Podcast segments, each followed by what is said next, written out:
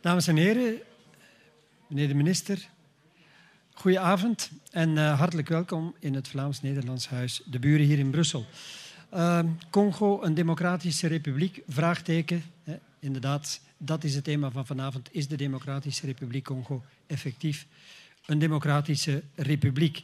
En om die vraag te beantwoorden hebben wij in, uh, in goede samenwerking met Mo, die uh, daarover een fantastisch themanummer alweer heeft uitgebracht, hebben wij een, uh, een deskundig panel samengesteld. En dat is Nadia Ensai. Zij is afgestudeerd aan de KU Leuven in de internationale in de vergelijkende en internationale politiek, zo moet ik het zeggen. Maar uh, ze is eigenlijk experte en uh, werkt voor Pax Christi en Broederlijk Delen. En uh, publiceert ook geregeld artikels over Congo. We zijn een Vlaams-Nederlands huis, vandaar dat we ook voor gasten wel eens over de grens gaan kijken. En in Den Haag wisten wij Alphonse Mouambi wonen, die wij vanavond hebben uitgenodigd. Ook hij heeft al gepubliceerd, vaker over Afrika in het algemeen en over, over uh, uh, de regimes en democratie in Afrika. Hij is auteur, maar hij is eigenlijk ook opiniemaker, lobbyist, veelvuldig aanwezig, was bij de verkiezingen een jaar of zes geleden in, in Congo. Dus hij kent eigenlijk ook van binnenuit de materie. Hij is de tweede expert aan tafel. En we zijn bijzonder gelukkig dat uh, de federale minister van Ontwikkelingssamenwerking, Alexander de, de Croo, zich vanavond wou vrijmaken om mee het debat aan te gaan. Want dat krijgt natuurlijk toch een andere dimensie als je niet alleen auteurs en publicisten hebt, maar als daar ook een beleidsverantwoordelijke mee aan tafel zit. We zijn uh, heel blij, meneer de minister, dat u zich vanavond wou vrijmaken. Uh, we kunnen ermee leven dat u nog andere verplichtingen heeft. Uh, want u, ik heb begrepen dat u rond kwart over acht weg moet. Maar goed, dan uh, loopt het debat verder en dan is er ook nog ruimte, als naar gewoonte op het einde, voor wat vragen uit de zaal. En we trachten zo om en bij de klok van negen uur af te ronden. Uh, dus ja, ik, ik, nodig de sprekers heel hartelijk uit aan tafel. Zij worden als naar gewoonte door een Mo-journalist ondervraagd en gemodereerd. En in dit geval is dat John, die wij al meermaals hier op dit podium mochten begroeten. Dames en heren, John van Dalen, minister De Croo, Nadia Ensai en Alphonse Moambi.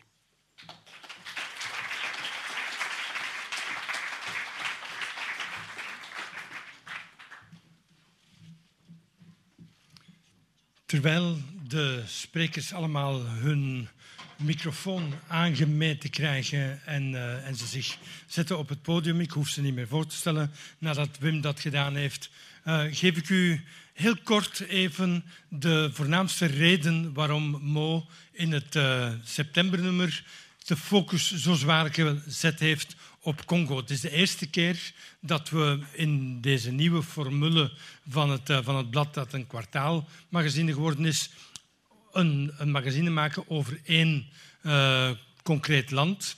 Natuurlijk, Congo is en blijft een land dat anders is dan de andere landen in het zuiden vanuit het Belgisch perspectief. Dat is, dat is de eerste reden. de belangrijkste reden is natuurlijk dat Congo voor enorme uitdagingen staat dit eigenste najaar. En de derde reden is dat er eigenlijk nauwelijks media-aandacht is voor Congo, voor de uitdagingen waar Congo voor staat en ook niet voor de manier waarop België omgaat met zijn ex-kolonie, met Centraal-Afrika en met de uitdagingen van, van Congo. Allemaal redenen om te zeggen waar de actualiteit niet ronddraait, waar de andere media geen aandacht voor hebben, dat is eigenlijk de opdracht van een magazine als Mo om daar dan werk van te maken. En dat hebben we uitgebreid gedaan. Komen we straks op heel veel verschillende aspecten van dat, uh, van dat nummer terecht. Maar eerst geef ik uh, het woord aan John, die in gesprek gaat met minister uh, Alexander de Croo voor, voor het eerste stuk van het gesprek.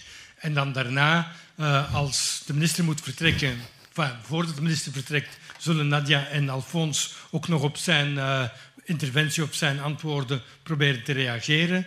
Daarna, als de minister moet vertrekken, zal Erik Wilmaers van het kabinet zijn stoel, die helemaal opgewarmd zal zijn, daartegen innemen. Uh, natuurlijk, het is altijd gevaarlijk voor een minister om op te staan en iemand anders op zijn stoel te laten plaatsnemen, maar het gebeurt in volledig vertrouwen. John. Uh, goedenavond. Goedenavond, meneer de minister. Um, in uw beleidsnota staat er internationale ontwikkeling uh, is tegenwoordig uh, een zaak van ons allemaal. En denk dat dat klopt. En Congo maakt dat ook duidelijk. Hè. Uh, niet alleen ja, algemeen dat we ons verbonden weten met andere mensen, solidariteit, morele verantwoordelijkheid, maar ook gewoon het pure eigenbelang. Hè. Er is een vrees ja, dat er veel migratie, te veel migratie is in Europa bij heel wat mensen. Wel, we zien dat er ook onder de migranten die verdrinken in de Middellandse Zee Congolezen zijn tegenwoordig. Uh, Congo is ook uh, ja, de plaats waar de tweede long van de wereld zich bevindt, het regenwoud. Als dat verdwijnt, gaan we dat allemaal voelen. Dat, dat zijn maar twee elementen die aangeven dat louter vanuit eigen belang ook is er mee voor zorgen dat het daar niet te slecht gaat. Belangrijk. Maar Congo toont ook dat dat moeilijk is. En daar zou ik het graag met u willen over hebben. Uh, u zegt in uw nota dat u, en niet alleen in uw nota, u hebt dat meermaals herhaald, dat u mensenrechten en democratie erg belangrijk vindt in het mhm. ontwikkelingsbeleid. En ik zou u willen vragen hoe dat ja, Congo doet op dat vlak, volgens u. Algemeen, eh, u zegt hè, we moeten ervoor zorgen dat Congo het niet te slecht doet. Ja, daar zijn we dan als internationale gemeenschap niet in geslaagd. Congo doet het vandaag bijzonder slecht vanuit het perspectief van de Congolees. De situatie van de Congolees is sinds 1990 achteruit gegaan. Het is eigenlijk een van de weinige landen in de wereld waar het achteruit gegaan is. De meeste plaatsen zien men ofwel een spectaculaire vooruitgang ofwel een redelijke vooruitgang. Maar hier is het echt uh, uh, achteruit gegaan. Um, en dat is voornamelijk door een complete afwezigheid in de praktijk um, van enige functionerende staat eigenlijk zelf verder gaan. Ik denk dat je op dit moment met een niveau van, van, van corruptie en eigenbelang zit, die eigenlijk zijn gelijken niet gekend heeft in Congo tot het moment van het einde van, van, het Kabila, eh, van de Mobutu-periode uh, eigenlijk. Um, en um, mensenrechten zijn een belangrijk element. Um, dat wil daarom natuurlijk niet zeggen dat je... En je zou een heel binaire benadering kunnen hebben. Namelijk, elk land is soeverein.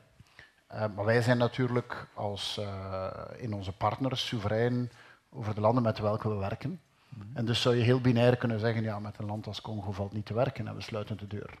Maar dus je maar, zegt, qua democratie en mensenrechten doen ze het heel slecht.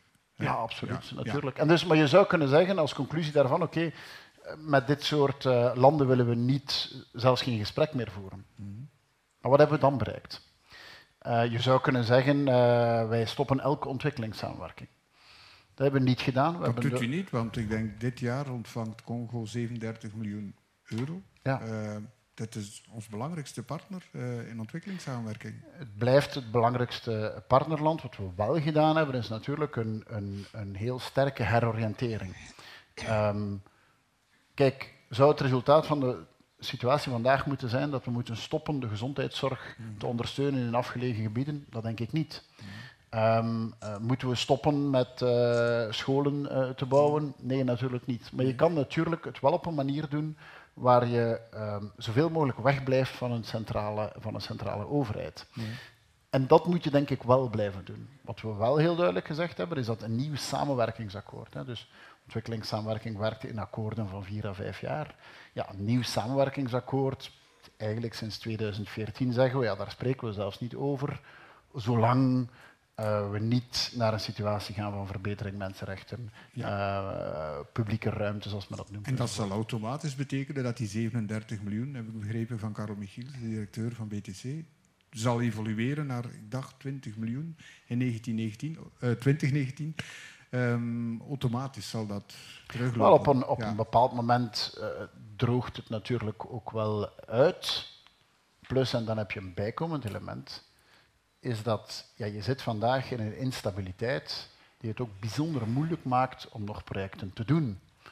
Um, op basis van uh, ja, gebrek aan infrastructuur, corruptie, veiligheid voor mensen ter plaatse enzovoort. Dus op de duur dooft het wel uit, maar ja, dat kan geen strategie zijn. Het kan geen strategie zijn om eigenlijk voor een stuk mee te gaan in de redenering die de huidige machtshebbers hebben, namelijk laten we het land zo verpauperen dat de bevolking uiteindelijk helemaal murw geslagen is en dat niemand meer nog wat doet. Ja. Maar is dat dan toch geen, laten we zeggen, ja, geleerd door de realiteit, relativering van een al te rigide vasthouden van ja, mensenrechten, democratie, als dat er niet is, ja, dat, is voor mij heel belangrijk. Ik heb het hem eerstmaals gezegd, maar eigenlijk zien we in de praktijk dat u daar toch pragmatisch mee omspringt. Dat u zegt, ja, want als je dat te hard toepast, dan wordt het land eigenlijk, de bevolking twee keer gestraft. Ze hebben slecht bestuur. En als gevolg van dat slecht bestuur, als u zou zeggen, ja, slecht bestuur, geen democratie, ik trek eruit, worden ze twee keer gestraft, want dan is er ook geen ontwikkelingshulp meer. Waarom doen we ontwikkelingshulp? Om de lokale bevolking vooruit te helpen en te versterken. dat is de, de, duurzame kant die we er willen, uh, willen aan doen. Um, als je natuurlijk een overheid hebt die dezelfde doelstelling beoogt, dan kan je veel bereiken. En dat is de situatie waar we natuurlijk naar op zoek zijn, waar we met de mensen kunnen werken en met de overheid kunnen werken. Als die overheid die doelstelling niet deelt, dan moet je um, daar druk op zetten, dan moet je de internationale gemeenschap mobiliseren om daar beweging in te gaan, uh, in te gaan krijgen. Ik denk dat we heel realistisch moeten zijn. De voorbije twaalf maanden is de bereidheid van de internationale gemeenschap om samen met ons dingen in beweging te krijgen, is achteruit gegaan. En dat is bijzonder jammer. Maar wat we gedaan hebben de voorbije maanden, bijvoorbeeld um, op gebied van inreisverboden en andere van bepaalde mensen, die absoluut terecht zijn. Ik denk als we dat nu opnieuw zouden moeten doen, zouden we daar waarschijnlijk niet in slagen. Want je bent het, het als medestander bij de Verenigde Staten kwijt. En ook een aantal Europese landen. Waarom is dat zo? Het regime Trump, of de regering Trump uh, vindt Congo niet belangrijk? Of volgt u daar niet in? Of, of vindt Kabila een, een, interessante zakenman? Of, of, ja. Goh, de vraag is, wat is het beleid Trump? Ja. Wat is het buitenlands beleid Trump? Dat is een, ja. een, een andere debattenavond hier. Ja, um, maar je voelt een verandering. Absoluut. Ja, je, je, voelt daar absoluut een. Maar de verandering is gekomen in de voorbereiding van verkiezingen. En toen ging de aandacht binnen de Verenigde Staten naar eens anders. Maar je voelt ook binnen Europa dat een aantal landen beginnen vragen te stellen bij de Belgische lijn, die er één geweest is van je moet druk blijven zetten en je moet alle manieren gebruiken om de machthebbers onder druk te blijven, uh, te blijven zetten. Welke zijn die landen? Je voelt dat een, uh, een, een, een, land als Frankrijk vandaag een, een andere rol speelt dan, dan twaalf maanden geleden, bijvoorbeeld. Ja, waarom zou dat dan zo zijn? Dat is een goede vraag. Uh, maar ik, wij, wij, kunnen dat alleen maar, alleen maar vaststellen ja. vandaag. Um, en ik vind dat we... is dat dan dat u denkt, ik probeer u te helpen, dat zij misschien toch uh, zoete broodjes willen bakken met het regime om een en ander te verkrijgen of te bekomen? Dat, uh, ik, ik, ik weet het niet. Ik heb daar ook nog geen, geen gesprek over gehad. Ik, ik, kijk alleen maar naar, naar waar, staan we, uh, waar staan we vandaag. Um, nu, kijk, de vraag moeten we misschien voor een stuk draaien naar wat moet je dan gaan doen? Um, uiteindelijk waar um, Kabila bijzonder goed in geslaagd is, is het verdelen en decredibiliseren van elke vorm van, van politieke oppositie. En dat heeft hij, eigenlijk heeft hij ja, quasi Tshisekedi uitgeschakeld en, en, en Katumbi voor een stuk ook het onmogelijk gemaakt om nog enige rol te gaan, uh, te gaan spelen. Um, ik denk dat de redenering die men gevolgd heeft in de Sylvesterakkoorden, waar ik, toen het een jaar geleden naar voren kwam, ik persoonlijk bijzonder kritisch was. Ik heb daar weinig geloof aan geëcht. Maar ik denk wel dat je op zo'n moment moest zeggen, oké, dan laten we het zien. Maar eigenlijk was de aanduiding van de eerste minister op dat moment daarna al duidelijk dat een één aspect daar niet van gerespecteerd werd. En dat overduidelijk is dat die verkiezingen dit jaar niet gaan plaatsvinden en dat met die methode er volgend jaar ook geen verkiezing zal zijn. Deze methode heeft in mijn ogen gefaald. Maar moet het dan wel gebeuren? En ik, Ik denk dat het relatief duidelijk is dat het idee van we laten de Kabila het pad effenen om verkiezingen te organiseren waarin hij zelf niet deelneemt, Dat dat ik, ik denk dat dat vandaag bewezen heeft dat dat niet werkt. En ik zie ook niet in waarom dat opeens zou gaan, eh, Ja. zou gaan veranderen. is er een alternatief. Ik denk dat je twee alternatieven hebt. Eén daarvan is dat, ehm, kijk, ofwel doe je zoals men in het verleden gedaan heeft, waar men zegt de internationale gemeenschap gaat op een bepaald moment de boel overnemen. En gaat een soort transitie organiseren. Maar dat wil Kabila absoluut niet. Hè? Da- Ja, Ja. nee, nee. Wa- Waarschijnlijk niet, maar Ja. ik denk dat Kabila een vrije verkiezing ook niet wil. Nee, nee. Zijn niveau van populariteit is, is, is op de bodem. Dus een, een, een, een verkiezing. veel geld, heeft enorm veel geld en, en orde troepen die hem verdedigen. En ik denk dat geld ook een rol speelt in de manier waarop de oppositie continu uit elkaar gespeeld wordt eh, enzovoort. Maar dus je, kan, je zou kunnen zeggen, daar moet een internationale tussenkomst komen. Liefst zal men zeggen vanuit de regio, maar ik zie vanuit de regio bijzonder weinig bewegen. Ja. En een aantal machtshebbers uit de regio, ja, die zeggen, ja, maar hm, ik zit eigenlijk in dezelfde situatie. En, en dat zou En als een moeilijk signaal zijn eigenlijk te zeggen van, weet je, goede vrienden Congolezen, wij gaan het hier opnieuw eens komen oplossen. Ehm, een andere piste is dat men zegt, ja, men creëert de omstandigheden in de welke de Congolezen zelf voor een transitie kunnen, eh, kunnen En zorgen. hoe zien die omstandigheden eruit? Kijk, ik denk dat ehm, er is één factor waar we het nog niet over gesproken hebben, en dat is de absoluut dramatische humanitaire situatie van nu. Ja. Eh, er zijn sinds begin dit jaar 700.000 wat men noemt IDP's, Internal eh, Displaced Persons, dus dat zijn ontheemden, zoals men het Nederlands noemt, eh, bijgekomen. Er zijn vandaag eh 4,8 miljoen ontheemden binnen Congo. Ehm, in Syrië zijn er 11 miljoen. Wat veel is, excuseer, het is 3,8 miljoen, niet 4,8 miljoen juist. Ehm, veel te veel. Ehm, maar dus je zit daar met een humanitaire situatie die toch... Wat in Syrië gebeurt was de grootste humanitaire crisis sinds de Tweede Wereldoorlog, maar dit is toch ook enorm. Ehm, Plus, het is het dit moet je volgens mij meer, eh, meer internationaal op de kaart brengen. Eh, ik heb het, eh, we hadden een Europese top in taal in het begin deze week. Ik heb het ook gedaan. Ja. Andere landen opgeroepen om het op Europees niveau en op VN-niveau te doen. De En welke minister, reactie krijg je dan ehm, aan de Europese tafel? eh, op het moment zelf eh, veel knikkende gezichten. En dan in de receptie achteraf moet je bij iedereen gaan en zeggen: maar bon, wat ga je doen? Ja. En onze eerste minister zal volgende week op de UN General, General Assembly dat punt ook naar, eh, naar voren schuiven.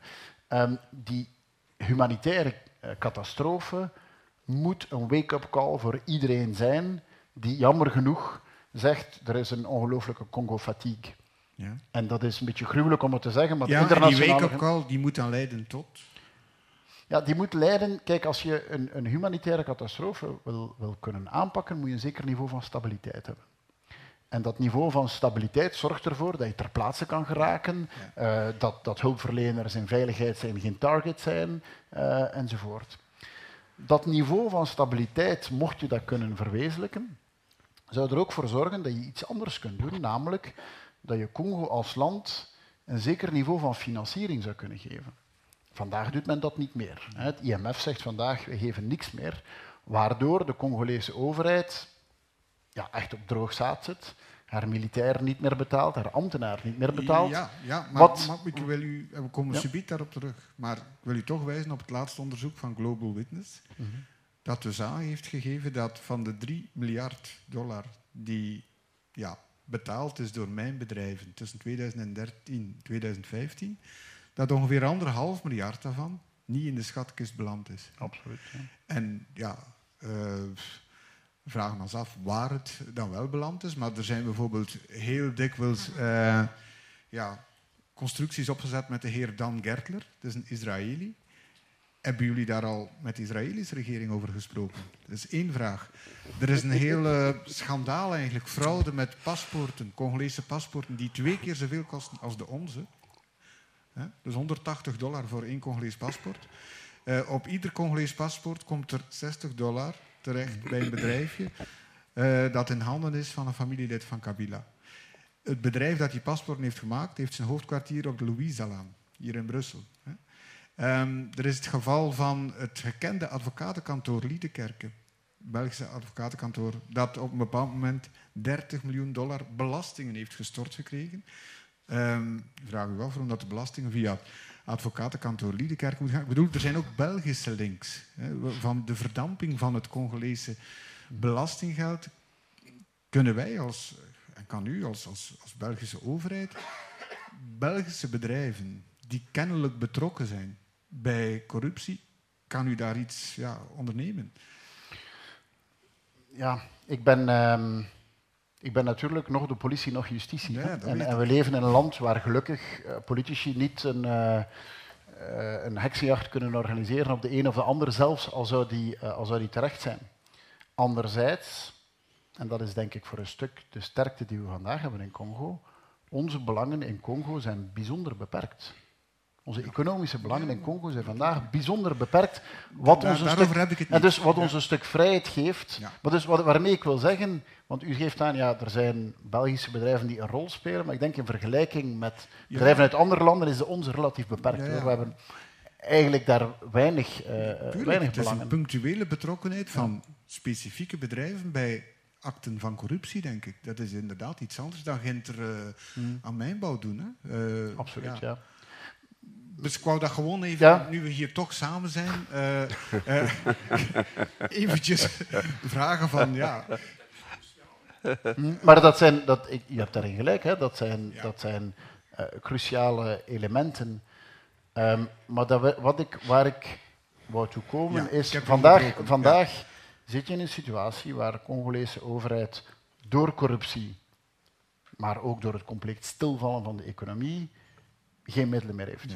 Waardoor militairen en ambtenaren niet betaald worden. Waardoor je dus nog meer corruptie krijgt en het altijd maar erger wordt. En dus dat proberen op een bepaald moment te gaan zeggen, ja, we gaan dat hier stabiliseren.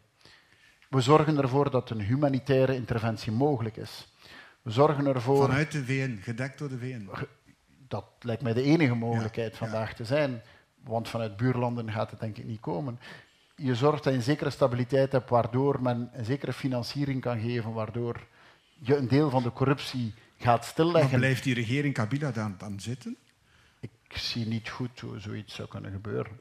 Dus die omstandigheid, waar dat je dan het derde luik doet, namelijk we gaan verkiezingen organiseren, ik zie niet hoe dat uh, in de huidige omstandigheden zou kunnen, uh, zou kunnen gebeuren. Even kijken of ik u goed begrepen heb. Dus u, u pleit hier eigenlijk voor, voor de mogelijkheid dat er een internationale tussenkomst zal zijn in Congo, gesteund door de VN, om humanitaire hulp te doen. En ja, meneer Kabila op een of andere manier te verwijderen? Of, of, of is dat dan regime change? Of, of hoe moet ik dat begrijpen? Um, de vraag is, ik, ik, heb u gezegd dat er twee opties zijn. Je hebt er één waar je die internationale gemeenschap laat doen, je hebt er één waar je zorgt dat de lokale bevolking het kan doen. Ik denk dat de laatste optie de beste optie is. Ja. De vraag is, is zoiets mogelijk vandaag in de situatie die wij... Het is levensgevaarlijk uh, van op straat te komen. Hè? Die wij zien. Ja. ja, en op de momenten dat men moet op straat komen, dan zie je dat leiders van de oppositie aarzelen. De kerk zou een rol En je kunt u de vraag stellen waarom ze op dat moment aarzelen. Maar dus de, de druk en de financiële druk moet waanzinnig, uh, moet waanzinnig, uh, waanzinnig groot zijn.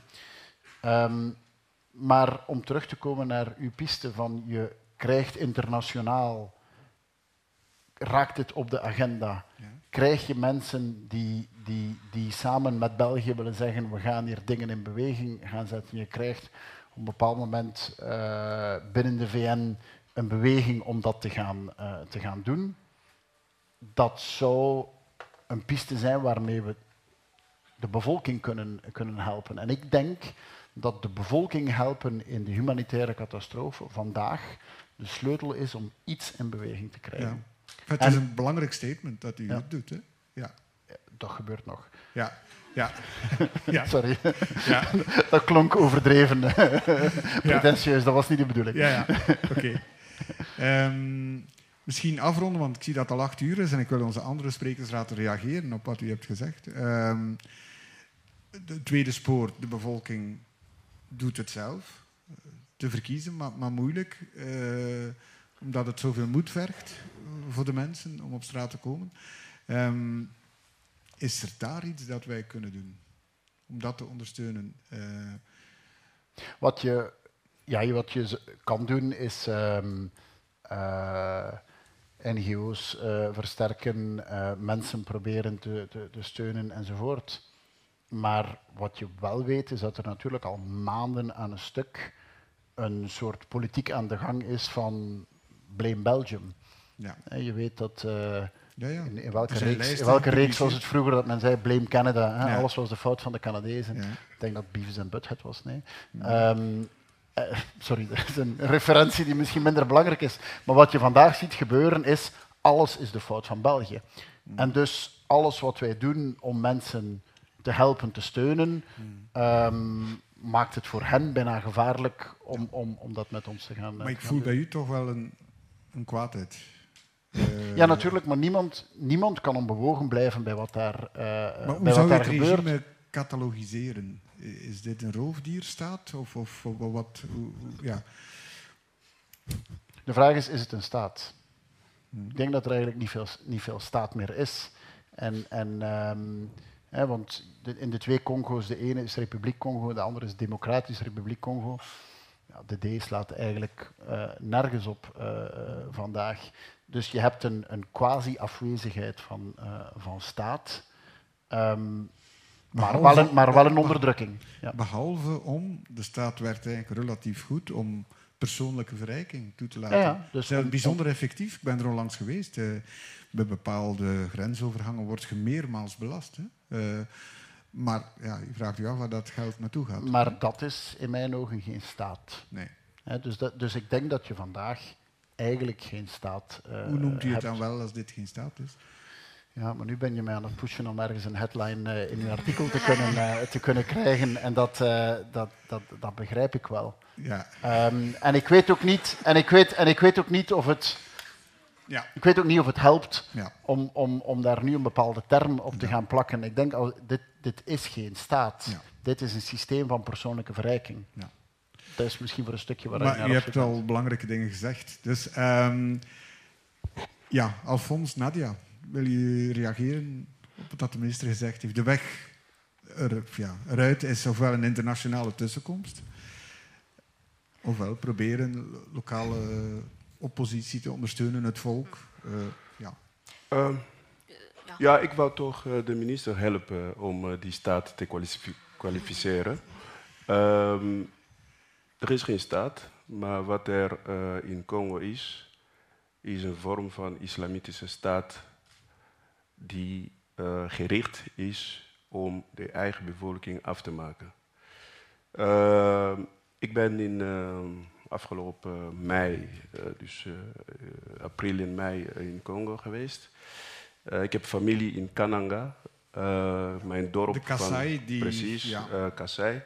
Mijn dorp van oorsprong, waar dus mijn voorouders vandaan komen, dat bestaat niet meer, plat verbrand en zo.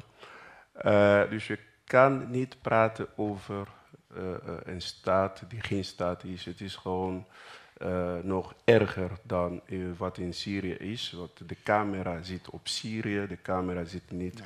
in Congo. En wat in Kasai is, dat betekent dat er mensen rondlopen met mm. afgehakte handen, hoofden, etc. Dus dat, en dat is iets van de eigen bevolking. Hè? Ah, Alfons, maar ik wou je inderdaad ook vragen van wat eraan te doen. En de twee pistes die de minister heeft aangereikt.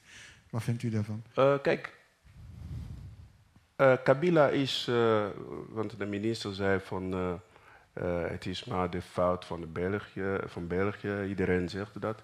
Maar het is ook zo, meneer de minister, het is, het is de fout van, van België. En ik zal dat uitleggen. meneer Louis Michel is actief en activistisch bezig geweest. In 2005 hij heeft zelf daar campagne gevoerd in Kinshasa, in Lubumbashi. Hij was prominent op de televisie. Uh, de, de, grondwet die moest uh, gestemd op, daarop gestemd worden. En daarna heeft ook Louis Michel ook campagne gevoerd, zowel in Congo als daarbuiten, om Kabila als de man te zien die Congo nodig had. Dus de messia van, van Congo. Dus via Louis Michel en ook nog alle andere lobby achter, is Kabila aan de macht gekomen. Uh, in 2006, ik was zelf verkiezingswaarnemer daar, is er een Europese uh, krijgsmacht naar Congo gestuurd om de boel te stabiliseren, zodat ja, Kabila aan de macht komt. En nu Kabila aan de macht is en hij wil niet meer weggaan, dan vertelt de minister dat ja, er een paar uh, mogelijkheden zijn. Ik zou de minister willen vragen om gewoon actie te ondernemen, zoals er acties zijn ondernomen voor Syrië, om dat daadwerkelijk te doen, met ook een tijdspad van Doe je dan, dan en dan. militaire acties? Oh ja, zeker. Ja. ja. Want wat, wat daar gebeurt is gewoon dat er. Het, is, het zijn. Uh, je, je, je hebt geen kwalificatie dat het mensen zijn. Het is, ze zitten op de bevolking. Het is, het is uh, martelen, moorden. En die twee VN-medewerkers, die zomaar, het zijn blanke mensen, het zijn geen zwarte mensen, Congolese mensen, die zijn daar op een brute manier afgemaakt. En de wereld blijft aarzelen met opties. Ja, maar dat is heel duidelijk. Maar, mag, ik even, ja. mag ik even want um, voor je dus een, een, interventie doet in een land, heb je een paar mogelijkheden. Eén daarvan is dat het land zelf vraagt. Dat het land zegt, kom ons helpen, we hebben een interne probleem. Dat denk ik niet dat Congo gaat, uh, gaat doen. Um, soms zegt men, ja, als je een VN-mandaat hebt, Um, graag, maar uh, ik zie het vandaag. Want België, ik wil heel graag de last van de hele wereld dragen. Ik denk niet dat China snel ja. Maar voilà, dat, dat is niet zo eenvoudig. Of, en dat is dan vaak de optie waar men twijfelt, maar zegt dan kan het wel, als de buurlanden smeken om een tussenkomst te doen in een land omwille van de instabiliteit maar, in de regio. Maar, maar, u wou het mee vermommen als een humanitaire tussenkomst. En dan zegt u, ja, hebben we misschien wel kans. Ja, maar ook een humanitaire tussenkomst waar, waar het land zegt, je komt niet binnen. Ja, is ook militair, hè? Ja, ja ik wil wel eens zien hoe, hoe het... Maar heeft, heeft Syrië de toestemming gegeven aan al die uh, mensen die daar zijn? Nee, en vandaar dat België tot nu toe altijd gezegd heeft, wij komen tussen in Irak. Waar Irak gezegd heeft, we zijn, we zijn vragen om, het, om tussen te komen. In, Syrië, in Syrië zelf heeft België altijd gezegd, dat doen we niet, want hebben, men vraagt het ons niet om het te doen. En daar is een grijze zone. In Syrië zegt men, ja, maar de buurlanden vragen het, ja. omdat het zo instabiel is en dan kan het eventueel wel. Maar hier, jammer genoeg, ja, ik ben niet op zoek naar excuses. Hè. Ik nee, nee, probeer nee, gewoon de, de, realiteit uit te leggen. Hier zie ik dus niet dat Angola of uh, Rwanda of Burundi zou zeggen wij vragen een internationale troepenmacht eh, in, in Congo. Dat zie ik nog niet gebeuren. Dus je zegt, wij misschien ook vanuit onze betrokkenheid, de geschiedenis, de band, uh, zijn bij de enigen die de situatie zo ernstig inschatten dat we vinden dat dit moet gebeuren. Ja, ja en ik, maar ik denk dat... En dus is het moeilijk om het erdoor te krijgen. En, en daar heeft, vind ik, Didier Reiners ook al in het verleden gezegd. We hebben sinds wat er gebeurd is in Rwanda een soort regeling in België die zegt we gaan zelf nooit militair tussenkomen ik denk dat, en dat heeft Reinders ook gezegd, ik ben het eens met hem, ik denk dat dat op termijn ook niet haalbaar is om te zeggen, wij zijn de grote experten van die regio, maar als er een tussenkomst moet komen, ja, dan doen we dat vies nooit mee. het, wordt te veel van Nadia, denk ik. Ja, ik, uh, ik ben een beetje verbaasd dat de focus zo erg ligt op uh, de hulp van de internationale gemeenschap. Ik denk eerlijk gezegd dat de internationale gemeenschap de voorbije tien jaar heel veel initiatieven genomen heeft. Um, daar zijn een aantal initiatieven die ook succesvolle resultaten gehad hebben. Maar als het gaat vandaag over een oplossing van de huidige situatie in Congo, dan denk ik dat die oplossing van de Congolezen zelf gaat moeten komen. Um, ik ben inderdaad akkoord dat er vandaag een, een heel repressief uh, regime uh, aan de macht is in, in, Kinshasa, waardoor het zeer moeilijk is voor bepaalde NGO's, burgerbewegingen, jongeren en om op straat te komen. Maar ik zie geen andere weg. En ik denk... Dus de route die de minister ook overweegt van een internationale interventie? Nee, ik denk dat de internationale gemeenschap een ondersteunende rol kan spelen. Het zal bijvoorbeeld al een ongelooflijk stap vooruit zijn mocht het verbod op de manifestaties opgeheven worden. Vandaag is het eigenlijk niet meer mogelijk voor de politieke oppositie, voor het middenveld, om op straat te komen op een zeer vreedzame manier.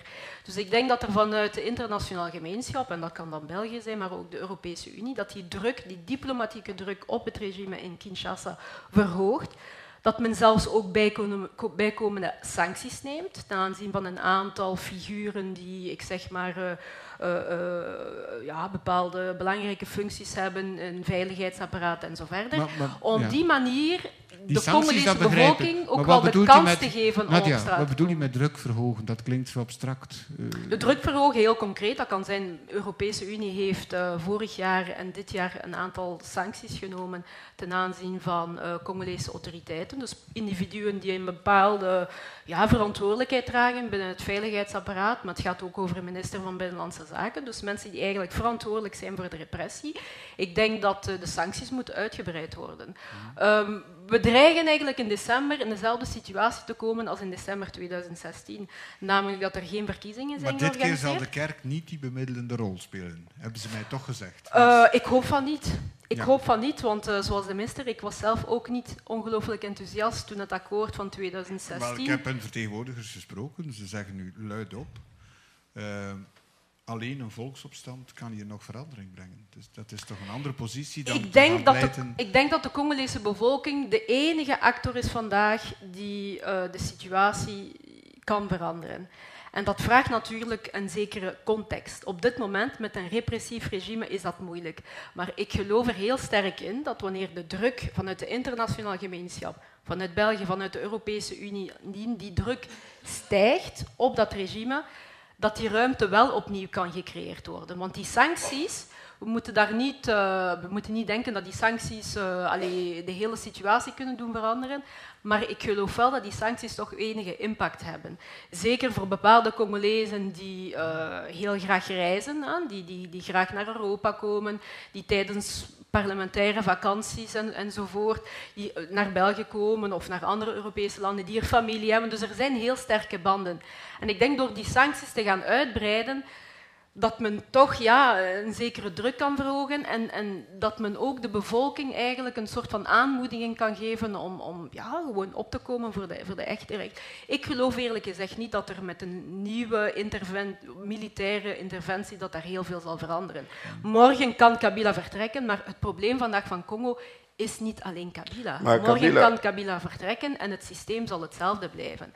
Als het gaat over het veranderen van het politiek systeem in Congo, dan gaat het over het geven van meer macht aan de Congolese bevolking en dan vooral aan bepaalde drukkingsgroepen binnen die Congolese gemeenschap. En ervoor zorgen dat die bevolking op termijn, en dat kan na vijf jaar, na tien jaar, na twintig jaar, dus dat, dat is natuurlijk ook een proces dat heel veel tijd vraagt, dat die bevolking op termijn de eigen leiders kan gaan interpelleren. En ik zie op dit moment ja, niet dus, anders. Dus u, u, denkt dat door die sancties meer, ja, uh, zou ik zeggen, uh, barsten kunnen komen in de elite en dat er op die manier Zeker, een soort ja. putsch kan ontstaan dat meneer... Want je, je moet de man wel als je verandering wil, ergens fysiek verwijderen. Goh, er zijn vandaag eigenlijk drie mogelijkheden. Ofwel gaat de bevolking samen met de oppositie, dat uiteraard heel verdeeld is, maar het zou kunnen dat we de komende weken weer een soort van remobilisatie krijgen van de Congolese bevolking, dat mensen erin slagen om terug op straat te komen en zo verder. Dus dat is een eerste mogelijkheid dat je een volksopstand krijgt. Gaat dit Kabila doen vertrekken? Ik denk het niet. Uh, de, de, de, Congolese oppositie en het middenveld zijn te slecht georganiseerd om echt op een heel sterke... Het kan alleen waarschijnlijk als het heel een groot staats, is. Een staatsgreep zou, een militaire staatsgreep zou ook een mogelijkheid kunnen zijn, want we weten dat vandaag Kabila het leger niet volledig controleert. Er is ook heel veel ontevredenheid binnen het, uh, het Congolese leger. Dus het zou best kunnen dat daar bepaalde figuren uh, uh, de macht grijpen met hulp van externe hulp van bijvoorbeeld van Angola. Angola is vandaag een zeer belangrijke partner in, uh, in, in, Congo. Er is ook heel veel ontevredenheid uh, bij Angola over de, de, de situatie in, in de Kassai. Dus het zou wel eens kunnen dat Angola misschien ja, bepaalde samenwerkingsverbanden zal gaan met, met, uh, met militairen in, in, Congo. En dan een laatste mogelijkheid dat we zeker niet mogen uitsluiten, en we hebben het ook al gezien in, in, in Congo bij vader Kabila, we moeten ook niet uitsluiten dat Kabila ja, ineens zou ook kunnen verdwijnen. Het mm. probleem is, hij is vandaag een zeer groot probleem geworden voor, voor, voor, voor Congo. En we, we realiseren ons allemaal dat het akkoord dat in december 2016 ondertekend is, dat akkoord vandaag eigenlijk in de vuilbak ligt. Dus dat akkoord is niet uitgevoerd. Um, ik geloof ook niet dat we nog eerlijke verkiezingen kunnen hebben met Kabila. Ik denk ook dat we naar een transitie moeten gaan, uh, geleid door een consensusfiguur. Dus uh, op een bepaald moment moet er beslist worden wie, wie, die transitie zou kunnen leiden. Maar ik denk dat nu de grootste prioriteit is, is om eerst en vooral een diplomatieke strategie te gaan, te gaan uitwerken om Kabila weg te, weg te krijgen. Ik zie geen andere mogelijkheid. Ofwel zal de bevolking dat doen, ofwel zal dat de diplomatieke. Ja. Uh, ja, maar dan hoor ik de minister zeggen, ja, maar zelfs in de EU, die nogthans bepaalde waarden in de grondwet staan heeft, uh, Europese grondwet bedoel ik. Uh, Frankrijk aarzelt. Ik heb Spanje ook al horen vernoemen. Daar spelen wellicht economische belangen. Dus u, en Kabila speelt daar natuurlijk ook heel erg op in. Hij probeert nu een aantal uh, landen bepaalde garanties te geven of, of, of, of economische voorstel te doen. Dus dat begrijp ik inderdaad. Maar ik geloof niet in het... Uh, allez, ik ben op zich niet fatalistisch voor, uh, voor de ja. situatie in Congo. Ik denk dat tussen 2006, de eerste grote verkiezingen, en vandaag, je ziet in de Congolese samenleving heel veel ja. verandering als het gaat over jonge mensen, maar ook dus mensen weten dat de situatie niet goed gaat, maar ze voelen zich niet, ook niet vrij om op een vrije manier ook een ongenoegen ja. te uiten over wat er daar gebeurt. Dat is dus op zich, ik ben niet fatalistisch over wat er in Congo gebeurt. Enorm opgevallen dat, dat je inderdaad georganiseerde, min of meer, jongeren hebt die ja, die kwaad zijn, die een analyse hebben, die zeggen ik ga iets doen. En die ook, als Kabila hen probeert om te kopen, nee zeggen. Hè. Dus ik mm. heb vertegenwoordigers gesproken van La Lucha. Ze hebben Kabila ontmoet. Hij bood dan een miljoen uh, dollar aan voor uh, entreprendre dans le développement. En ze hebben gezegd, wij moeten dat geld niet hebben. Uh, investeer dat in de verkiezingen. Dus ik vond dat bijzonder sterk. Want het is niet makkelijk, als je niet rijk bent, om daaraan te weerstaan. Dus dat, dat vond ik wel... Mm hoopvol. Maar mm. ja, is ja, dat groot en sterk genoeg om nee, verandering? Maar, nee, maar mijn boodschap is van laat ons toch de ruimte en de vrijheid aan de Congolese bevolking om dat ongenoegen ook te uiten, uiteraard op een vreedzame manier. Ik hoop dat er vanuit België, vanuit de interna internationale gemeenschap, dat we de komende weken, maanden, niet nieuwe onderhandelingen zullen krijgen om alweer een akkoord te gaan sluiten en te gaan faciliteren met Kabila. ik denk, ik denk dat, dat, de oplossing hier vandaag... wel die ruimte wil geven. Degene die de ruimte niet geeft, is het regime. Ik weet het niet. Het akkoord van 2016 dat is onder andere ook ondertekend geweest omdat er van het internationaal gemeenschap ook echt wel een facilitatie en zelfs een zekere druk was. Iedereen was heel erg bang voor een gewelddadige confrontatie in december 2016. En ik denk dat niet alleen de katholieke kerk, maar ook de internationaal gemeenschap ook wel een verantwoordelijkheid draagt. Want wat is er gebeurd? Men heeft ergens het protest dat men aan het voorbereiden was, geneutraliseerd door iemand zoals Tshisekedi, de grote opposant, mee aan tafel te krijgen en een akkoord te, te laten tekenen met de meerderheid van Camilla. Op die manier heeft men ergens het protest ook wel. En dat ongenoegen ook. Wie is die man? Heeft dat gedaan? Uh... Daar zijn, daar, daar zijn allee, als het gaat over de internationale gemeenschap, daar zijn, interna daar zijn speciale gezanten van uh, België, van de Europese Unie, van de VS, die achter de schermen ook wel die verschillende Congolese actoren aanmoedigen om rond tafel te zitten en op die manier een akkoord te tekenen. En eigenlijk een akkoord dat alleen maar in het teken staat van machts, machtsdeling. Dus wij denken hier vanuit de internationale gemeenschap dat we problemen in landen zoals Congo, maar ook in andere Afrikaanse landen, steeds moeten gaan oplossen met een machtsdeling. Ja, het is duidelijk gebleken dat het geen oplossing was. Dus een nieuwe ronde van onderhandelingen gaat ook geen oplossing zijn. Ik ga dit toch even natrekken bij de minister, want hij heeft er net ook gezegd van ja, ik geloofde van in het begin niet in dat akkoord. Maar u zegt nu, ja, maar uh, België en andere internationale spelers hebben mee dat akkoord gefaciliteerd. We hebben dat toch ik, ik, weet niet of um, op dat moment, ik denk daar inderdaad, uh, Nadia, dat de analyse die je maakt, dat dat de achtergrond is van dat akkoord. Ik zeg dat ik persoonlijk, toen ik het zag, dacht mm. ik, oké, dit neutraliseert de zaken, maar gaan we verkiezingen hebben dit jaar? Ik heb er nooit in geloofd. Ehm, ik denk dat ondertussen de Belgische positie wel geëvolueerd is in de zin dat hier nu een vervolg aan breien ik heeft geen zin. Heeft geen zin. En, en, en op deze manier het idee van Kabila organiseert verkiezingen om zichzelf te laten opvolgen. Hij is zelf geen kandidaat. Ik zie niet in wie daar vandaag nog in gelooft, in dat soort, uh, in, in, dat soort, soort redenering. En, en ik ben wat je uitlegt van het moet van onderuit komen. Interpreteer wat ik gezegd heb over een internationale oplossing via de humanitaire crisis. Ik ben niet tegen wat je zegt. Um, de vraag is, en ik, ik denk dat je beide paden kan bespelen, de vraag is op welke manier zorg je ervoor dat het, dat het mogelijk is op een moment waar toch meerdere malen de vil mortus, ja, er is niet echt gekomen. Hè? Allee, op het moment dat men dacht, en nu gaat het komen, en dat we allemaal dachten... Mensen zijn ook bang. Voor en mensen, zijn, zijn, zijn doodsbang. En dus het, het, jammer genoeg, dit soort dingen, hmm, het komt niet. En, en ja, je hebt waarschijnlijk diepgaandere linken om te begrijpen wat kan en wat kan niet.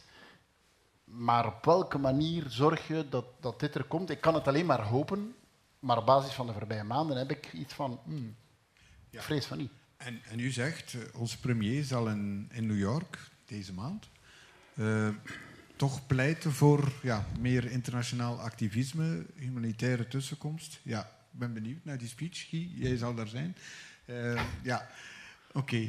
U, u, moet er vandoor. Hè. Dus um, Erik Willemaars, jij komt erbij zitten nu. Bedankt. Ja.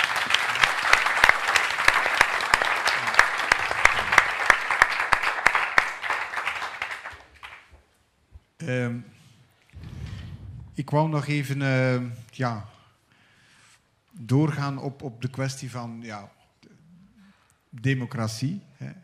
Um, in hoeverre is dit uh, een model dat, we... Jij gelooft erin. Hè? Um, ik geloof in democratie, ja. ja. Um, maar het leidt niet per se tot beter bestuur.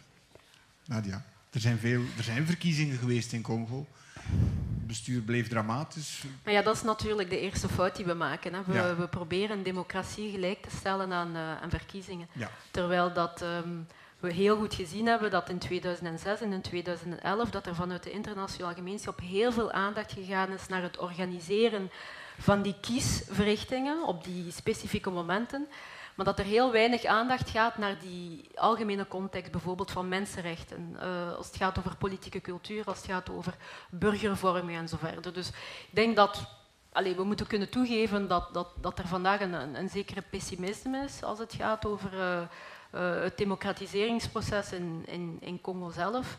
Maar nogmaals, uh, ik vind dat er een ongelooflijk grote vooruitgang geboekt is, ook in, in, in Congo de voorbije, de voorbije tien jaar. Uh, dus je hebt een middenveld dat, dat nieuwer is. Dus er, een, een, er, is, er, zijn nieuwe aanpakken ook binnen, het, binnen dat middenveld, met, met, met, nieuwe burgerbewegingen en zo verder.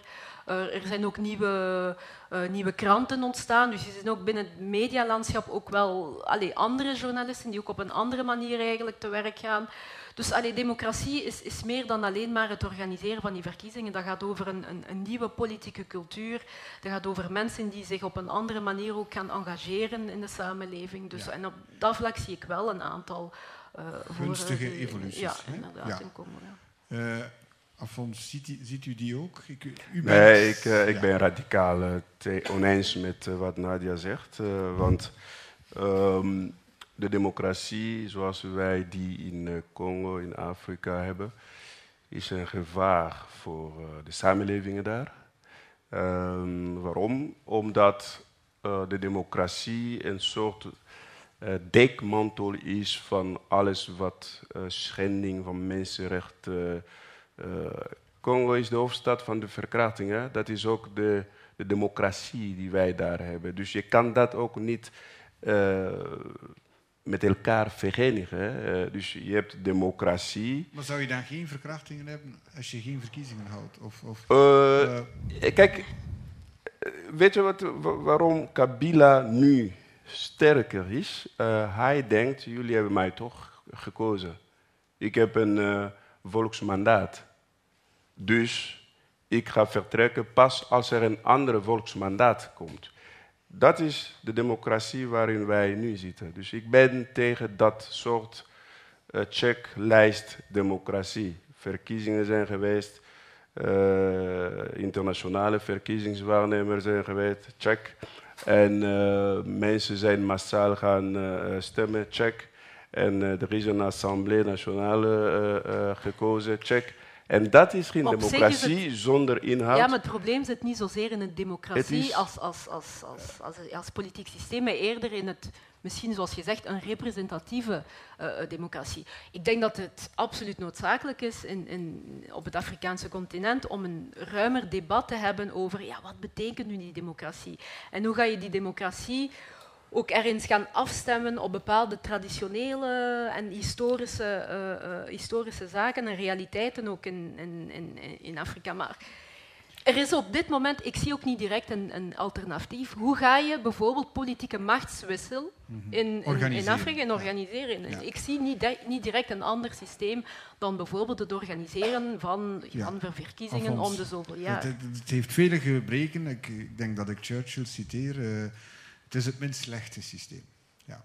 Ja, maar die mensen die dat geciteerd hebben zijn van vroeger. Hè? We, zijn, uh, we zijn in een, uh, in een uh, tijdperk daar, waarin heel, elke dag een nieuw iPhone 6, 7 komt. Dus je kan ook doordenken en, en kijken hoe, hoe je verder moet. Maar in de situatie van Congo en van Afrika. kijk, we waren aan het praten over, over Rwanda, et cetera.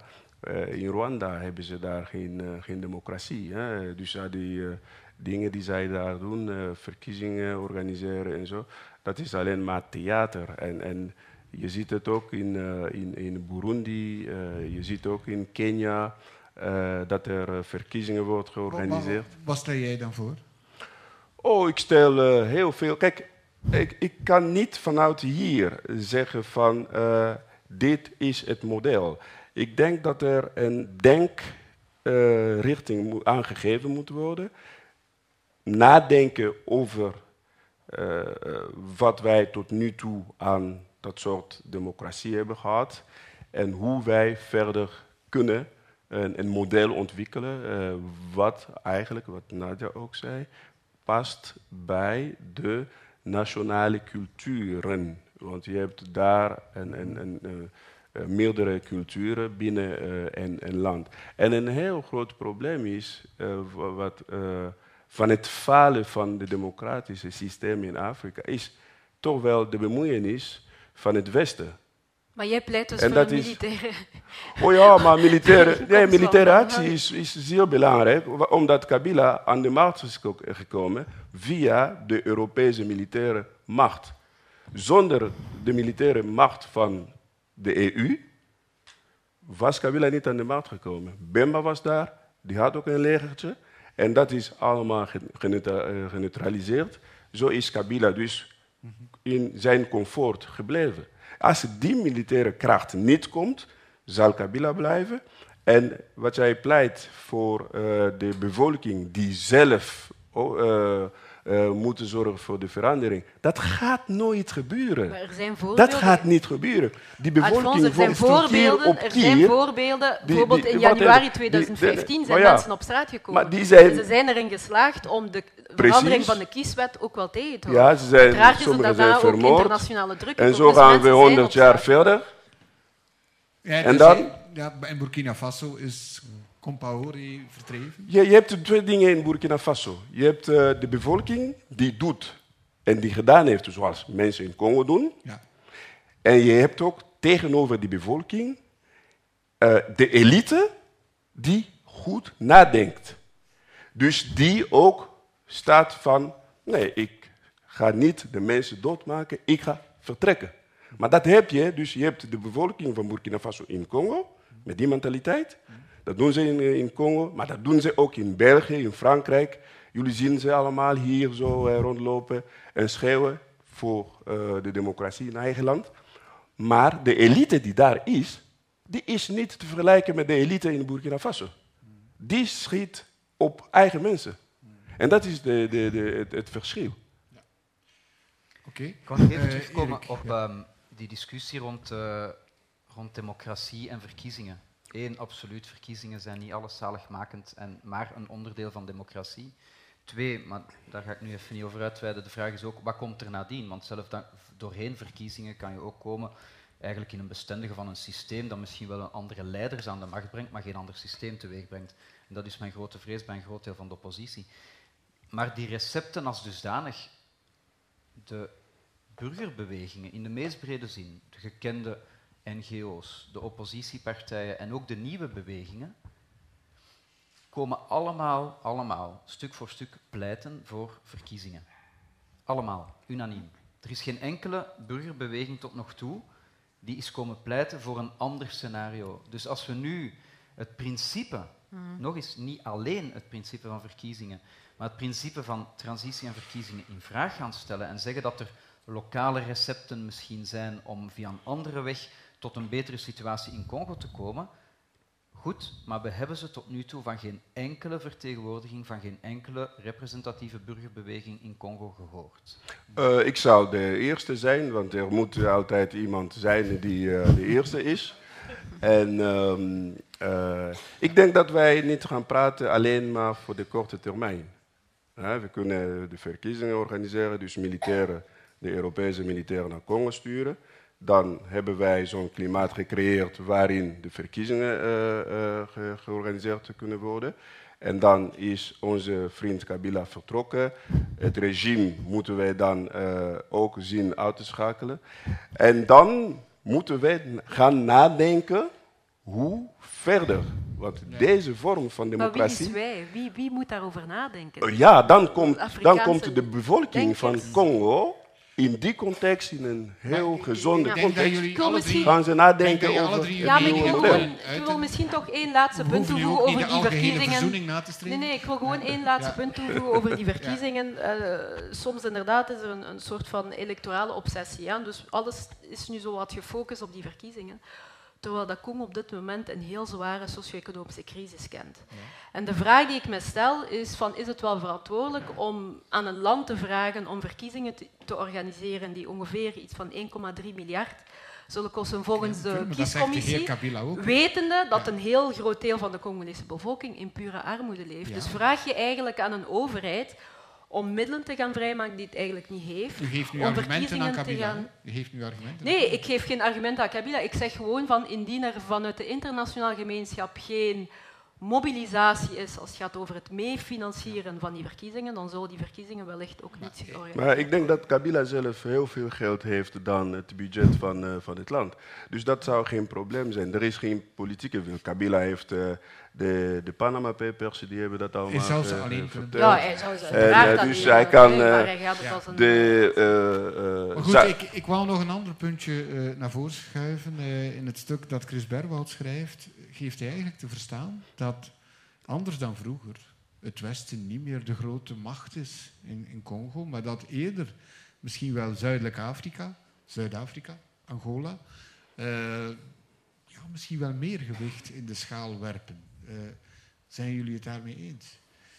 Ja, ik alvast wel. Um, de, de, de realiteit op het terrein is ook van die aard. Als we zien vandaag dat we soms nog de illusie koesteren dat we bijvoorbeeld door ontwikkelingssamenwerkingsbudgetten België beperkt, groot naar Belgische normen, maar klein internationaal, zelf EU-niveau, um, letterlijk vandaag, als er een, een, conferentie wordt georganiseerd met donoren um, en een sectoraal ministerie, de, de mensen die aan de tafel van de minister aanschuiven, zijn niet de westerse donoren.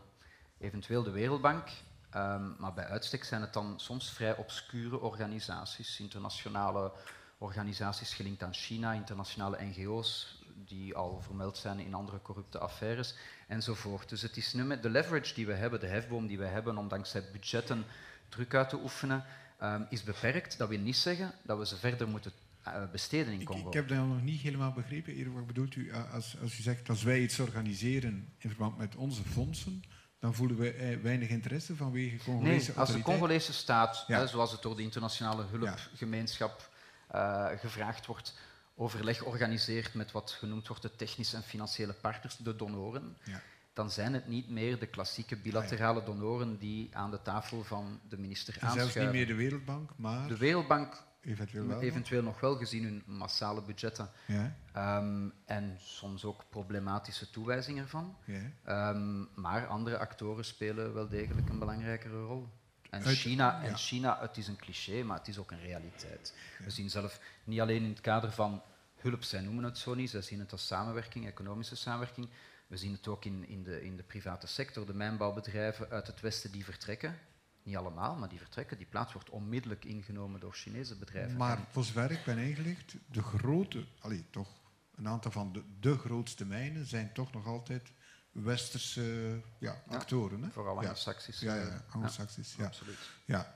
Um, maar het belang van Angola, ja, van hieruit bekeken, denk dat misschien wel, ik weet niet in deze zaal, maar uh, mensen daar misschien verbaasd gaan over zijn. Angola, ja. Nee, nee Angola is, uh, is niet alleen een belangrijke partner voor, uh, voor, voor, voor, Kabila, dus de huidige uh, Kabila, maar dus ook van vader Kabila. Vader Kabila heeft verschillende keren het zeer moeilijk gehad toen er een aanval geweest is van, van, van, van Rwanda. Het zijn de Angolezen die tussengekomen zijn en, en die het regime eigenlijk gered hebben. Dus Angola blijft een belangrijke speler. Joseph omdat... Kabila is eigenlijk ook mee aan de macht gebracht door de Angolezen? Ik weet nu niet wat, Angola, uh, welke rol van, wat de rol van Angola geweest is, uh, dus na de dood van vader Kabila en, en, en, en, en de komst van, van de, van de zoon. Na de verkiezingen, de strijd met Bembas-troepen. Uh, ja. Nee, maar het is zo dat Angola een belangrijke partner is, een diplomatieke en een militaire partner. En ik denk dat we zien, ja, de voorbije weken, maanden is Angola ook wel kritischer geworden, want de situatie in, in is, is, is ook hoe, hoe nefast. Zien we dat? Voor, hoe weten we dat? Hoe, hoe weten we dat?